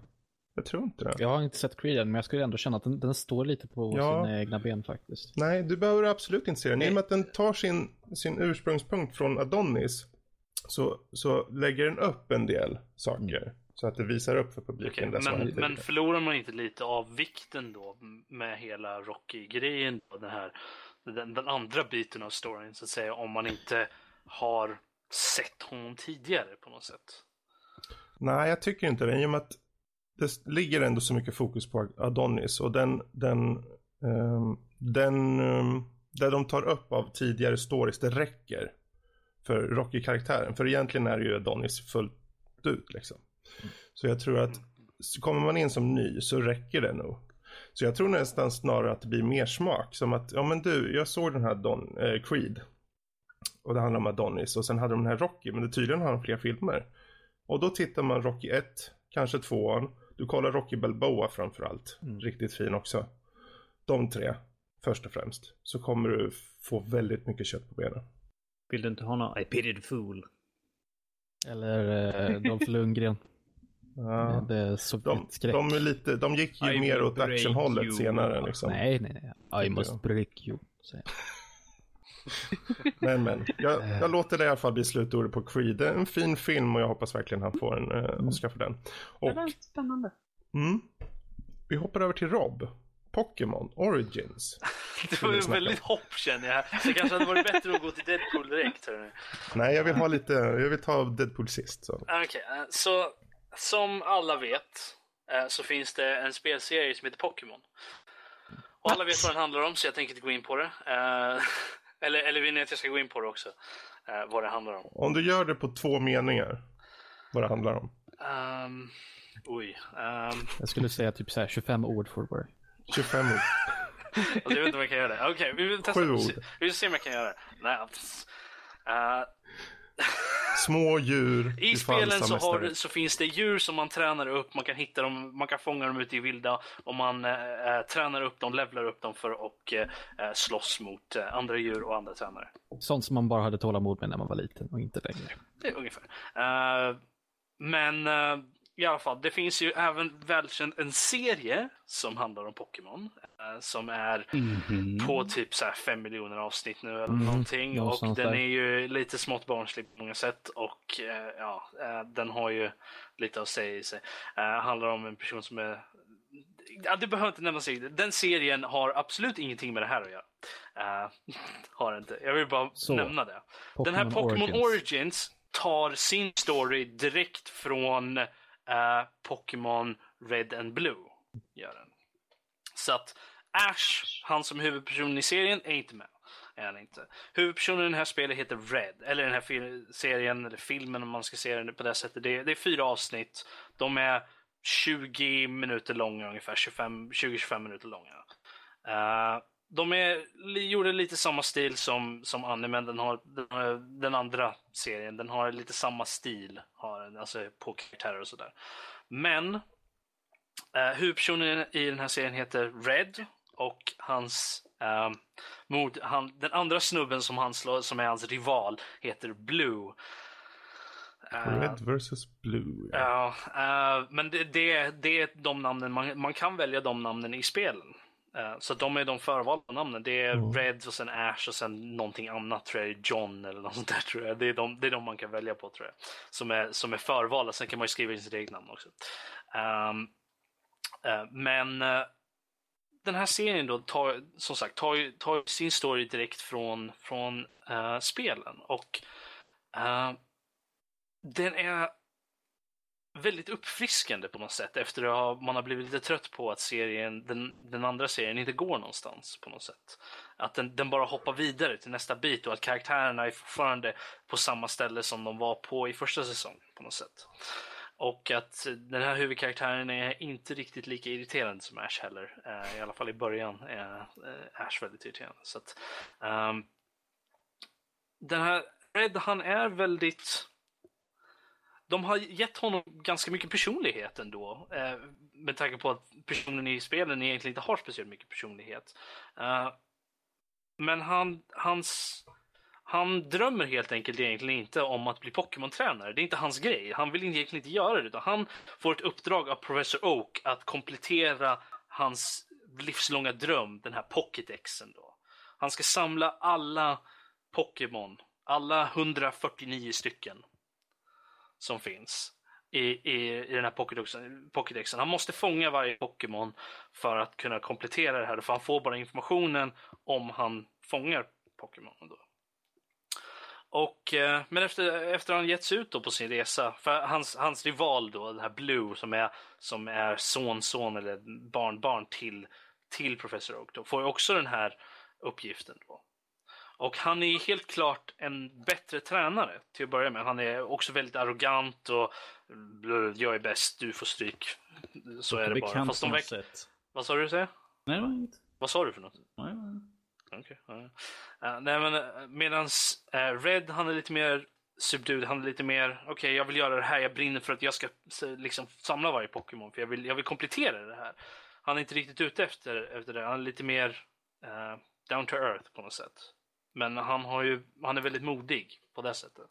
Man ser det i några avsnitt, men det som gör det här så intressant ändå är att det är en väldigt trunkerad version av, av spelen. För varje, varje avsnitt är en beat story helt enkelt. Första avsnittet är han, går, han påbörjar sitt äventyr, ger sig ut, får lite råd och inser att okej, okay, för att kunna fånga alla Pokémon så blir, måste jag bli en Pokémon-tränare. Och jag måste bli bäst, för annars kommer jag inte få tag på alla. Sen nästa avsnitt börjar med en recap av vad som hände emellan avsnitt 1 och 2. Och sen så händer avsnitt 2 och den handlar om en, en beat story. Sen nästa, bit, nästa avsnitt börjar med en, med en summering och så. Så att det är hela spelets story är det, i fyra avsnitt mm. på 20 mhm. minuter ungefär. Och vissa delar är lite små eh, larviga. Eh, men jag tror att det beror på att den är så pass kort. Hade de fått en, säg ett 20 avsnittsserie och bygga upp det här på så hade de nog gjort det mycket bättre. Då hade det nog inte känts lika out of the blue. De som ser serien kommer förstå exakt vad jag menar, vad som händer. Uh, men jag gillar den ändå på grund av att den är en mer seriös version av tv-serien. Den, är, den, är, den följer spe, spelens uh, story, men den har lite sin egen spin på det. Den ger karaktären en, en, en karaktär helt enkelt. Han, är, han har personlighet, han har sina drömmar och sina mål helt enkelt. Och han är lite mer tredimensionell eh, än vad man egentligen hade förväntat sig. Tycker jag. Och jag säger det att gillar man Pokémon, har man, har man någonsin gillat Pokémon um, och har man uh, vill man ha någonting lite nostalgiskt men ändå någorlunda okej okay, och någorlunda bra uh, så borde man kolla på den. Den heter Pokémon Origins. Det är fyra avsnitt. Den finns att få tag på på ställen. Uh, uh, på, på, på Google it, you will find it. Google it. Pokémon Origins är någorlunda bra. Ja, alltså jag, tycker att, jag tyckte den var väldigt bra, om, speciellt om man jämför med, med den andra serien. Och den var ju väldigt, väldigt nostalgisk var den också. För att jag kände ju igen storyn liksom. För att det, ah, men det här är ju spelens story. Liksom. Det, är, det är första storyn som, som är med, första generationen Pokémon. Mm. Och jag hoppas verkligen att vi får mer av det. För att jag skulle jättegärna se, om inte samma story, så i alla fall nästa generation. Och se den fast längre. Så att de har mer tid att bygga upp på det. Kanske en lite mer modern stil på, på serien. Så att den är, den är lite mer anime-stil på det hela.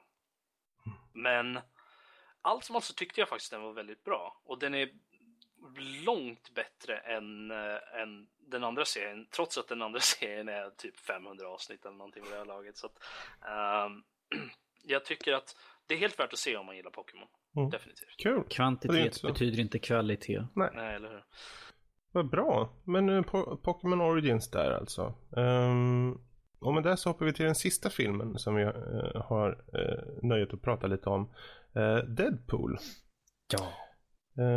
och ja, det är jag, Kalle och Lotta som hittills har sett den här. Mm. Um, Yay! Ja, några initiala tankar då. Vad, vad tycker vi om det här?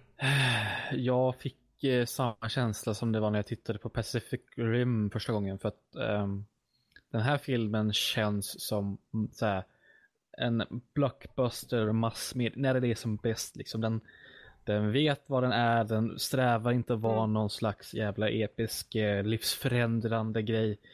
Precis. Fingrarna. Ja, ja. Men eh, jag hade jätte, jag tyckte det var jättekul och så den, ja, den är ju förutsägbar givetvis, allt sånt där, men men fan bryr sig för den är rolig, den är underhållande hela vägen och eh, det är, det är en jättebra adap adaption av Deadpool först och främst. Till mm. skillnad mm. från den där jävla skiten vi fick tidigare med när han var ihopsydd mun och grejer. Så ja. att eh, kort sagt, stor rekommendation från mig. Mm. Lotta då, vad tycker du? Jag håller med. Uh, den är visuellt väldigt snygg. Uh, och då pratar jag inte bara om skådespelarna. Utan uh, väldigt läckra effekter.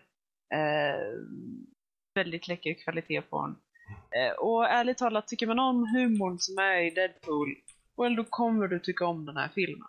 Mm. Eh, det var en grej som man kanske kände eh, saknades lite om man är ett Deadpool-fan. Eh, och det är det här som man har ibland att när han får två olika tankebubblor, eh, en i var färg. Eh, och så står han där och kontemplerar, ja men vilken ska jag liksom, så, ja men jag tar den högra liksom. Eh, och det var inga sådana grejer, det var, det var inga comics-grejer. Nej. Eh, och det, det var väl en stil de helt enkelt valde. Eh, att inte ha det här med att han klättrar över till en annan panel eller bläddrar sidor eller har, ser sina tankebubblor. Eh, han bryter fjärde väggen på alla möjliga andra sätt eh, istället. Mm. Ja, jo. Det är en sån sak man, jag tror man förlorar när man hoppar från en serietidning till en film. För att jag menar, det är ju så himla tydligt i den här filmen när han bryter fjärde väggen liksom. Ja. För att i en film, man är så ovan att en karaktär stirrar rakt in i kameran. Det händer ja. ju så pass sällan så att det blir ett så tydligt skifte ändå. Så när han tittar om... rakt in i kameran liksom, mm, så Precis. blir det ändå tydligt nog. Även om man inte... på en M. Night Shyamalan-film alltså? Mm. Nej men alltså man behöver, inte, man behöver inte se eh, Ryan Reynolds ögon överhuvudtaget för att veta nu tittar han in i kameran. Mm. Han ska inte titta in i kameran men han tittar in i kameran. Och nu pratar han med kameran. Eh, ja, ja det finns ingen fjärrväg längre. Eh, men som du säger, det, de gör det väldigt tydligt. Mm. Nej, jag har inte mer tillägg än så. Har du något mer du vill säga Lotta? Eller? Eh, nej, jo, en grej. Jag är glad att de gjorde en så pass vuxen som de gjorde. Det, ja, vad är det, 15-årsgräns? Det är, mm. Den är ju rated R, 15-årsgräns i Sverige. Och jag tycker faktiskt, ärligt talat, att det, det hjälpte den här filmen på så mycket. För det, det handlar ja. inte om att filmen ska vara blodig och det ska vara huvudet ska slitas av. Det handlar inte om det utan det, det, det handlar om att filmen ska ska kunna vara det, alltså, så bra, alltså det fulla Deadpool som möjligt. Mm. För att om man kollar på en, eh, okej okay, jag vill ta um, faktiskt Hunger Games som exempel. Den boken är sjukt brutal, alltså storyn i sig är ju sjukt brutal. Men filmerna, det är så mycket skakig kamera hit och dit och de klipper eländigt så att precis när någonting, någon ska slå någon och någon så klipper de bort och allt sånt där. Och det, för mig förstör det flytet i filmen. Eh, mm. Eh, och, och här så ser man allting klart och tydligt. Liksom. Mm. Är det någon som skjuts i huvudet så skjuts han i huvudet, punkt slut. Det är inte så att de klipper bort precis när han skjuter och man bara ser dem falla på marken eller något sånt där. Utan eh, det, det ger filmen bättre flyt helt enkelt. Mm. Mm. Och verkligen som vissa gånger eh, när Deadpool själv blir skadad så verkligen stannar den upp och studerar det här hålet i armen eller sina sönderbrutna händer och så vidare. Eh, uh, plus och, att eh, språket får ju vara vad det vill också. Ja, alltså det, ja precis. Ja, det, den här filmen tjänar extremt mycket på att den fick den åldersgränsen den fick. Ja. Hade den Definitivt. varit PG-13 eller då, vad blir det, 11-årsgräns i Sverige, ja. så hade den, det hade, den hade ja. blivit mycket, mycket sämre helt enkelt. Ja, efter, efter jag såg den här så kollade jag upp lite intervjuer som Ryan Reynolds uh, har varit med i. Och han var tydlig med just att han personligen i många år har försökt att få den här gjord. Mm. Och att han ville vara Deadpool. Uh, han promptade jättemycket för uh, att få med honom i uh, Origins och det gick ju som det gick. Vilket han mycket väl tar upp i den här filmen. Um, och ja, han egentligen buttfuckar Hugh Jackman på vissa sätt och hyllar han på andra sätt. Man säga. um, men det är tydligt att han vurmar för karaktären. Och det är tydligt i den här filmen. För han är Deadpool. Mm. Han har gjort många tvivelaktiga roller. Vilket han gärna poängterar. som han, ja. Och um, men den här sitter som en smäck. Uh, filmen som story, som helhet, visst den är inte perfekt. Men den är precis så som den utlovats vara. Och jag tycker det här är så bra som de bara kan komma och jag äntligen gör Fox något rätt. Äntligen. Jag menar Fantastic Four var ju som en bajsmacka deluxe. Alltså det var det sämsta som har kommit på många år. Mm -hmm. Och de har varit lite så här. Eh, med många titlar. Till och med X-Men-serien gick ju ner sig lite efter typ tvåan. Uh, och uh, nu har de hittat lite rätt igen. Eller lite, de har hittat väldigt rätt. Deadpool-filmen mm. sitter som en smäck. Mm. Den är precis vad den ska vara och uh, tvåan är redan utannonserad. Ja. Mm. Och vad ja, gäller storyn, uh, okej, okay, då kör hårt. Ja, nej, nej, kör på det. Kör på ja, jag ville bara säga, storyn är liksom Deadpools origin story, hur han kom till och så, mm. alltså hur han blev Deadpool. De har ändrat lite grejer, ja. har de gjort. Ja, men, um, men... Det, det, det är väl mest för att det ska passa ihop med, ja. med hur de vill de, ha filmen se ut. Och förenkla lite framförallt, kanske pengamässigt. Ja. Visst. det, ja, jo. Du, ja, Fredrik och jag vet exakt vad vi pratar om, men det skämtet får ni kolla på får, filmen. Får jag bara fråga en sak? Mm. ja, Danne. Får du. Är det mycket fourth fall breaking som det är det han ja. är mest ja. känd för? Mycket. Ja. Det, det, ja, precis. Det, det, är inte bara som, det är inte bara som en novelty att han liksom... Nej, nej, nej. Mm, men det är som Lotta sa förut, att han pratar ju hela tiden genom fjärde mm. nästan. Eller hela tiden, han gör det väldigt ofta. Ja. En gång pratade han igenom sextonde väggen. Just det, just det. Nej, men eh, jag vill faktiskt eh, eh, rosa liksom, eh, presentationen av storyn på ett visst sätt. För att eh, det är inte den här... Introt. Ja, jo. Mm. men det är inte den här, vi har, det är inte en, liksom en linjär berättelse utan den, den kommer, liksom backstoryn kommer i piecemeal hela vägen. Så du mm. börjar med en flådig actionscen och sen så backar vi tillbaka bandet lite grann, hehe, som ni vet, som ni, sett, ni som har sett vet vad jag pratar om. Eh, och sen så får vi lite backstory, så går vi tillbaka till nutiden och så går vi fram lite mer och så går vi tillbaka igen och så får vi lite mm. mer backstory. Och det gör att temp alltså, tempot blir mycket bättre och det känns den här första biten, alltså som skulle varit, typ, skulle varit första akten, den, den går förbi mycket snabbare, alltså det är lite mer den mm. tråkiga biten för att han är ett Deadpool. Uh, vilket, så den, just den, det sättet att presentera storyn var, uppskattade jag väldigt mycket. Mm. Man kan väl säga det att ni som har sett trailern vet i mångt mycket faktiskt vad den här filmen går ut på. Mm. Och ni som inte har sett den kan jag säga bara det är en revenge story på ja. vissa sätt. Um, no, no, it's a love sätt. story. Nej, It's a love story. ja. Så den är ganska basic i sin story, men uh, där den gör rätt är just att porträttera karaktären framförallt. Så. Mm. Alltså, Väldigt ja. bra casting måste jag också säga. Mm. Eh, innan vi lämnar honom alldeles för mycket. Mm. Eh, på samtliga karaktärer. Eh, helt fantastiskt underbart snyggt gjort. Så att, mm. definitivt, av alla insatser. Precis. Jag tycker, jag tycker det är roligt för Ryan Reynolds som du säger, han, han är ju verkligen Deadpool på, det, på, på så många sätt. De har ju till och med haft skämt i serietidningarna om mm. att mm. Ryan Reynolds är Deadpool eller att han liksom att de är väldigt lika liksom på det sättet. Så det, känns, det är en sån där roll som han, jag har inte sett filmen, jag har bara sett trailern, jag har sett intervjuer runt omkring och sådana grejer. Men han är ju verkligen liksom, han är född för den rollen. Mm. Det är lite mm. som Alltså jag, jag vet att det är folk som inte håller med, men det är som Robert Downey Jr för Tony Stark. Liksom. Det, är, mm han, det är hans roll liksom. Mm. Det, det, det, det, går inte att tänka sig någon annan person i den rollen. Mm. Uh, och jag, menar, jag, kan, jag, jag har sagt det förut, uh, det var nog länge sedan, men Ryan Reynolds är en av de där skådespelarna som jag kan gå och se i vad som helst i stort sett. För han är så underhållande i stort sett alla filmer han är med i. I vad, vad han än är med i så är han underhållande. Mm.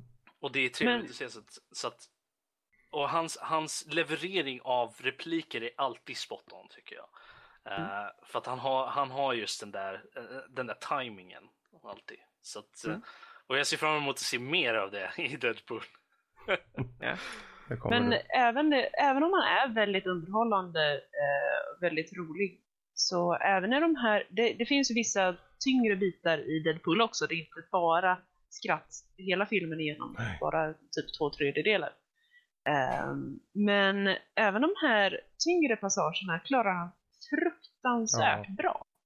Alltså man, man blev upprörd å hans vägnar när man såg det här. Mm. Uh, stiligt jobbat. Jag säger det, alltså Ryan Reynolds, han är en bra skådis. Det, det är ju inte bara för att han är underhållande, men för att han är en väldigt bra alltså, skådis. Vi går ju som en katt runt het gröt här. Ja. Det är liksom, vi, vi, säger inte, men ni vet ju att Deadpool som karaktär vet ni vem han är. Hur han har blivit vem han är. Alltså han har fått cancer i hela kroppen i princip. Och den här cancern är ju egentligen det som startar lite i filmen kan man säga. Det är uppbyggnaden. Och det är ju just de här scenerna när han introduceras för cancern och så som, som är, visar på att det finns en finns kontraster i filmen. Det finns dynamik mm. i filmen framförallt. Som jag tycker är bra.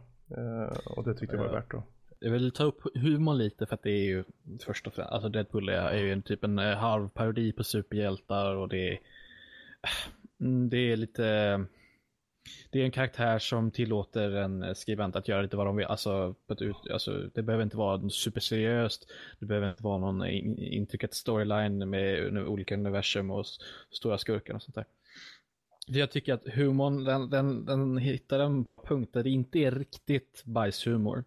Inte, inte nästan, men ganska nära. Typ. Uh, jag får och, bilder i huvudet nu. Ja, alltså. uh, de, det är mycket fina ordlekar de håller på med och sånt där. Mm. Men jag tycker att det, det passar så himla bra. Mm. Alltså, så, mm. Just för att det är en Deadpool-film och då ska det vara sån där humor. Precis. Ja. Ja, nej, vi låter det bli sista ordet för ja. Deadpool. Det är helt klart en, en rekommenderad film. Den kommer ja. inte ändra om världsbilden för nej. alla som ser på den. Men helt klart en uh, väldigt stark actionrulle och uh, en rolig film helt enkelt. Jag skrattade högljutt ja, när jag satt. Det gjorde alla flera gånger. Om nästa vecka när jag och Danny också kan få delta i. Mm. Vi får se om ni skrattar lika högljutt. Det visar sig. Danny, han Danny skrattar inte åt något. Ja, kanske Rob i alla fall. Jag kommer bara sitta, så jag kommer sitta under varenda rolig scen kommer säga Ja, sån är du. Ja. Um, bra. Däremot, ifall en, ifall en slasher och sånt där, då sitter jag och skrattar högljutt. Ja. ja, jo, jo. Mm. Alla tonåringar um. dör. De som, är, de som är i min ålder, när de dör då så yeah, mår Danny bra. Jag bara sitter och säger en till kvar. Bara en slasher får man skratta. um, bra, men uh, vi rundar av där på övriga nördämnen och så hoppar vi raskt vidare till lyssnarmailen helt enkelt. Uh, Fredrik, får jag, bara, medan vi ändå var lite på Deadpool, jag ser här att utav uh, Bebson frågar, såg att det var 50% rabatt på Deadpool på Playstation. Något ni rekommenderar spelet då? Du som har spelat det Fredrik. Mm. Ja, Eh, Eh, det är ju ett rent hack and slash liknande actionspel med mycket komik i. Eh, gillar du komiken i Deadpool-spelen, så, eller i serien menar jag, då kommer du nog gilla eh, storyn och uh, cutscenes och allt sånt i, i, i själva spelet. Det har dock lite av en risk bli väldigt repetitivt då det inte finns någon jättestor variation i actionmomenten. Men de är helt klar, klart uh, okej, okay, godkända. Um, uh, så är det så att ni, om det är väldigt billigt så absolut. Absolut. Ja. Mm. Då kan vi fortsätta. Yes. Rob, lyssnarmail. Yes. Uh, vi har fått ett från Gentle Crabfish här. Mm. Varför han heter det är det ingen som vet. Det är ett mysterium.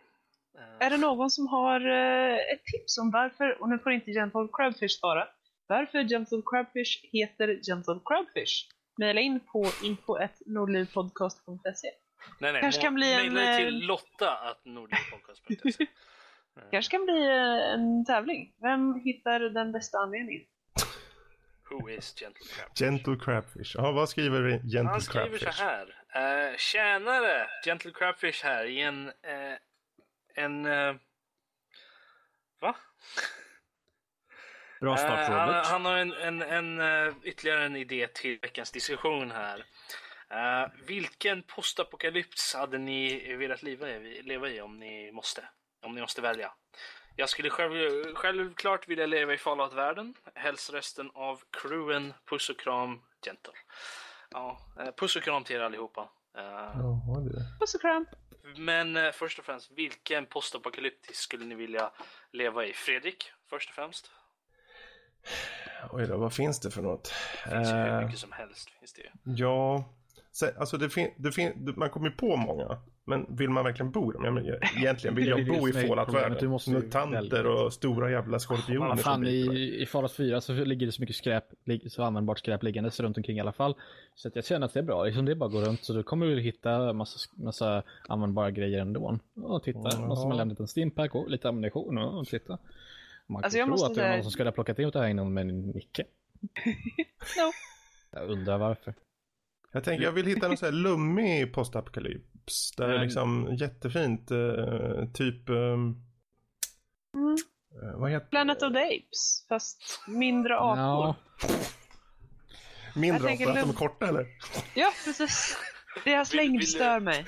Så du vill, så du vill leva i någonting lite mer lugnt sådär helt enkelt. Lite mer... Varför? Nej, jag slår till med den här, eh, nu googlade jag här, men Enslaved Odyssey to the West. Jag har kört det för länge sedan. Det är så här lummiga, lummigt, man ruiner överallt och det är fint. Tyvärr skjuter ju folk på mig hela tiden förmodligen, men det är lite Wild West. Uh... Är det där med Andy Serkis? Det är möjligt, ja. Bra det är nog den. Röst och sånt gjorde han. Ja, jag tror han gör röst och alltså, kroppsskådespeleri också. Ja, jag kommer bara ihåg att det var så här väldigt eh, grönskande och fint och så. Mm, och cool. att världen gått under och det var ett helvete. Men annars var det bra. eh, om inte man får säga kommande spel för det här Horizon Zero Dawn med typ så här jättestora robotdinosaurier. Fan, det vore ju coolt i alla fall tills de kommer att trampa ner jag tror, jag tror inte det finns någon specifikation på vilken, hur den är. Så länge du kan liksom säga någonting om den liksom, tror jag nog, mm. så, så får du nog välja. Så länge ja, jag kör på en slave i alla fall. Rob, vad säger du då? Uh, jaha, jag tänkte gå vidare till alla er, sen gå tillbaka till mig själv. Jaha, men då kör jag på dig nu. Okay. uh, jag, uh, vet faktiskt inte. Alltså Fallout är ju lite tilltalande på något sätt för att de har ju ganska mycket coola grejer i den på något sätt. Uh, men jag vet faktiskt inte. Det finns ju så jättemånga. Jag menar alla zombiespel är ju i stort sett, alla zombiespel och filmer är ju typ postapokalyptiska. Mm. Så där är det ju liksom det, det, så kan, kan jag få vara post post på apokalyptisk. Så jag kan vara i en zombie post apokalyps fast efter alla zombies är borta.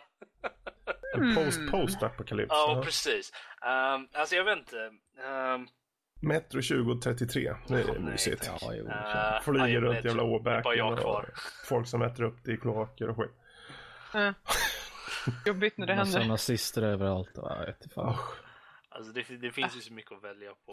Uh... Wolfenstein the new, the, uh, the new Order. Som uh, är egentligen postapokalyps på det sättet att vär, världen tog sig över av nassarna. Och du är på 60-talet. Så det, för mig skulle det vara en jävla postapokalyps. Mm. Ja. Jag tror att folk nu, nu tror jag vi tänjer lite på definitionen av Postapokalyps. Som sagt, för mig skulle det vara en postapokalyps utav helvete. För fy men, fan. Alltså, jag tror vi får nog sätta lite specifications. Jag tror det måste hända efter vi lever i alla fall, tror jag nog. Annars Varför kan vi gå runt hur mycket som helst. Det finns um, ju så ehm, många uh, what if mm. scenarios. Ja, alltså jag vet alltså, inte. Jag, uh, Kalle, vad har du? Det här vad har du, Kalle? Jag, jag måste tänka lite till. Det är en fråga om att välja vilken apokalyps som är minst dålig liksom. Mm. Och då är det så förmodligen den som, den, den som eh, där förmodligen spelet i det här fallet utspelar sig så långt efter apokalypsen som möjligt. Då, där har vi nog vår sweet spot. Mm. jag, jag, vill, jag, vill, jag vill leva i mutant. Uh, mutant ja. postapokalypsen. Uh, det vill jag leva.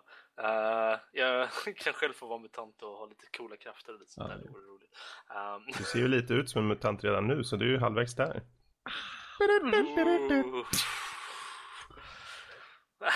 Det är den där tredje armen, den där tredje armen som avslöjar. Oh, det var inte en arm. Åh, nasty. Vadå, har du testat den? Du misstog det för Men jag ser den ju där, han har en ny bild. Ja, jag, jag missade vad har, du vad har du för någon smarrig liten postapokalyps som du vill bo i? Du, jag har en alldeles Som utmärkt. inte Final Fantasy. Nej, om det, det är, är inte Final Fantasy, även om de har ett par apokalypser, of. Uh, nej, det är en fruktansvärt smarrig liten apokalyps. Uh, i... är, det, är det en smarrig postapokalyps? Ja, ja, den är jättesmarrig. Har du namnet på avsnittet där eller? där jag vet inte. Det. Vad är det för något smarrigt? Det är Warhammer 40K. Ja, ah, just alltså, det. seriously, jag kan tänka mig att vara i princip vilken ras som helst i Warhammer 40K. Uh, på ett villkor. Och det är att om jag är human eh, så är jag antingen en Boltovich eller en Psyker. Då kan jag gå med på vad som helst. Okay. Eller, eller en Tech Priest. Tech Priest skulle också funka alldeles utmärkt. Annars, alltså alla de här tre kommer ju självfallet bli förförda av Chaos. Eh, men då kommer jag få dyrka Awesome Corn. Eh, you know, Skulls to the Throne of the Skull och så vidare. Um, jag menar, du kan gå omkring med en railgun och bara leka rövare ju så. Nej, man ska inte ha en railgun, man ska ha en bolt pistol eller en lasgun. Ja, mm, Läskar ni freaking lite här? Kan jag fuska lite här och köra, säga så här? Jag vill bo i Star Trek. För det är ju postapokalyptiskt där ju faktiskt. Och så har han på mig med att sätta regler. Ja, mm. Ja. Uh, Fast det händer ju efter oss, gör det ju. Mm. Ja. Ja. Haha, kom runt det. Eller? Ja. Mm. Uh, Danny, ja, ja. du då? Norskis. Ja du, jag spelar så lite postapokalyptiska spel så jag vet inte riktigt vad jag ska säga för någonting. Det enda som jag kommer på som postapokalyptiskt är ju Fallout. Men jag menar... Borderlands vill du bo i? Borderlands? Nej, jag vill inte bo i någon av dem. Men... Det ser ut som postapokalyps men jag vet inte om det är det. Nej, jag tror inte det. Räknas Wildstar? Det vore lite mysigt. Det vet jag inte heller Nej, jag vet inte vad det är för något. Eh, alltså det är ju egentligen mer eh, sci-fi MMORPG. Men det handlar ju om att man har tagit sig till en ny planet och ska befolka den för att man har töntat upp den gamla planeten eh, och förstört den och gjort den inhabitable.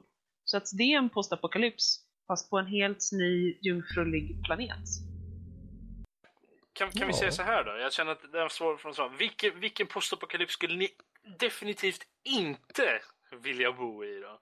Ni får bara välja en. Någonting med zombies. The Last of Us. Måste välja. Ja, The Last of Us. Usch. Ja, jo. Ja. Oh. bra intryck där. bra impression. I have no idea what the fuck you're talking about. Vi pratar om The Last of Us. Det är ett spel. Jag vet vad det är, men jag, jag har ingen Den kan du titta på YouTube så förstår De du. sista av oss, om du inte om du behöver en svensk översättning. Kan du inte skriva på ett papper och visa upp i kameran? Det sista av oss kanske är rätt, uh, rätt grammatik. jag skulle kicka er från uh, chatten rakt upp och ner här just nu. Så. Från chatten? inte om jag tar bort dina admin-rättigheter först. Kicka Karl först.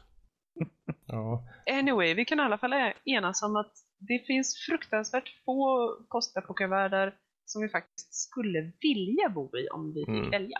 Mm. Vi kan ju Precis. säga så här, vi, kan, alltså, vi skulle ju kunna ha en diskussion framöver vad som gör en bra postapokalyps. Mm. Alltså en värld som man vill bo i, eller? Nej, Nej alltså, vad, vad som gör en bra och intressant postapokalyptisk värld. Vad som är intriguing ja. rent. Ja. Så att den här var ju sagt som en veckans diskussion var den ju ställd som. Ja, så vi kör en spin mm. på den uh, en annan mm. gång. Ja. Super. Uh, det, vi har fått ett till mail här. Mm. Uh, Nog om Gentle Crabfish. Uh, mysteriet må han vara. Uh, uh, det är från Ola. Har vi fått det här. Hejsan alla! Hej Ola! Uh, hej på er! jag vill plocka er och hjärnor lite. Nå, jag vet inte riktigt. Okay. Jag, inte mycket att plocka. Uh, jo, min grabb Lukas tittar mycket på Youtube och jag ser att det är mycket blandat. Allt från Minecraft-grejer till Pewdiepie. Gör ingen big deal av Pewdiepie nu. uh, nej, det tänker vi inte göra. Dåligt intryck. Mm. Uh, och jag vill, hitta, jag vill hitta något som vi kanske kunde titta på tillsammans. Han gillar film, action, fantasy, sci-fi, spel, FPS, RPG, RTS och musik, rock, hårdrock och jag lika så. Ah, Okej. Okay. okay, that narrows it down. Uh, um. uh, undrar hur gammal han är egentligen. Um, har ni några bra tips på Youtubers som är värda att titta upp? Spelar inte så mycket roll vad de tar upp, vi kan tänka oss vad som helst. Med vänliga hälsningar Ola. Oj, oj, oj. Hey. Jag har ju typ 500 prenumerationer på Youtube. Nu ska jag se här. Jag kan kanske ta um, något. Ja, Alltså om vi börjar med det enkla kanske medan ni letar där. Jag tänker mig om de gillar ju film och så. Så de kanske gillar att se recensioner och sånt. Ja. Uh, så varför inte titta på till exempel uh, Chris Stuckman som mm, ger väldigt uh, raka och väl ja, vad ska man säga, han, han pratar igenom allting väldigt bra mm. och förståeligt. Väldigt mycket bra poänger. Jeremy Johns är också en bra recensent. Jag vet inte om ni kände till honom. Mm. Vill ni ha lite roligare så kan ni ju titta på Cinema Sins där de sinnar filmer. Mm. De är ja. väldigt roliga. Är de. Eh, vad gäller... Annars Annars så finns det om man vill gå lite analys inom mekanik, rent allmänt analys så finns det ju uh, Game Theory och Film Theory. De analyserar ju allt från vad som helst inom spel mm. till allt som vad som helst inom film och serier och sådär. Så att uh, det, det är mm. roligt att titta på för de har mycket humor i sig, samma sak som Cinematins. Uh, ja. Men de gör det på ett, ett bra sätt. Mm. Vill man ha något liknande som vad vi håller på med fast mycket mer populärare så har man ju klart uh, Total Biscuit och hans uh, gäng då Jesse Cox också och givetvis Dodger. Uh, det är det jag kommer på på rak arm så jag ska fortsätta scrolla vidare. Det finns en del. om man vill ha någonting mer med musik och då specifikt mer åt rock metal hållet mm. så kan jag verkligen rekommendera Jared Dines. Jared Dines. Eh, han eh, går igenom väldigt många olika musikstilar, han kommer med coola metal facts eh, och mm. så vidare. Riktigt bra musiker som verkar ha en hel del självdistans och humor. Mm. Vill man ha ännu mer in-depth analys, alltså när det kommer alltså till spel då, när det kommer till teman och, eh, tolkningar och allt sånt där, kan man kolla på Errant Signal. Han, eh, jag antar att ni inte känner igen det namnet på era reaktioner. Äh, men eh, det är en, en kille på YouTube som går verkligen in på djupet på väldigt många spel och eh, liksom tittar alltså mer på vad mekaniken betyder som sig och hur de, alltså hur de går samman med storyn och allt sånt där. Så han kan jag definitivt rekommendera. Ja, men vill ni ha mm. lite eh, någon som spelar spelen också? Mm. Um, så det finns ju, han spelar ganska mycket varierande, han är ganska rolig så han heter Generic B. Han, uh, Generic B, det är generic fast med K istället. Och sen B bara.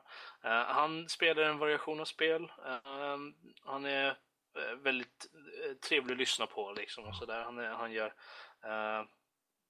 han har gjort en hel del roliga spel. Han brukar spela mycket eh, betaspel också sånt där, och mm. lite indie och sånt där.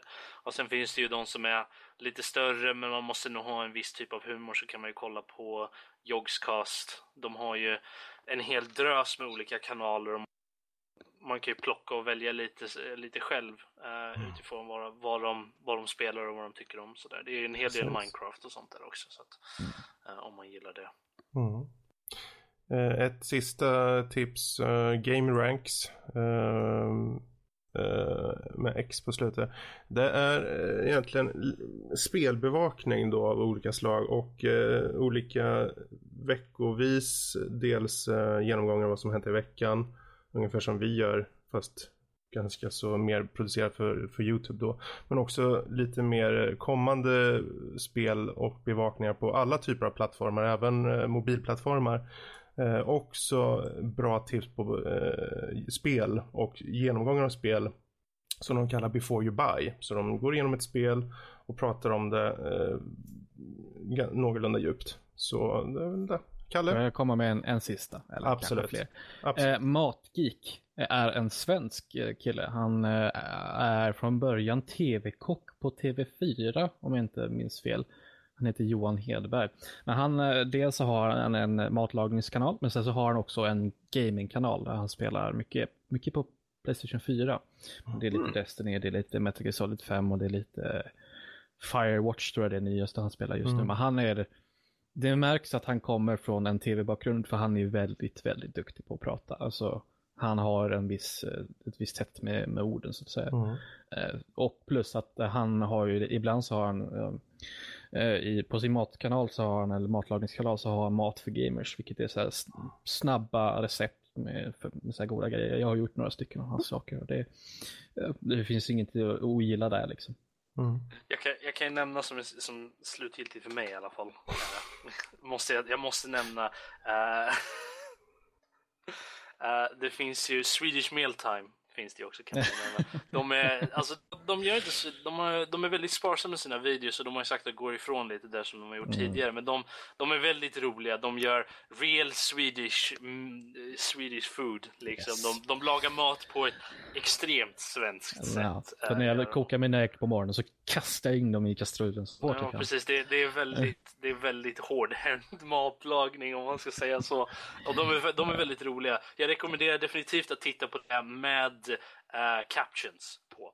Mm -hmm. För att de textar, de textar sitt gör och det är väldigt roligt. Dalmi.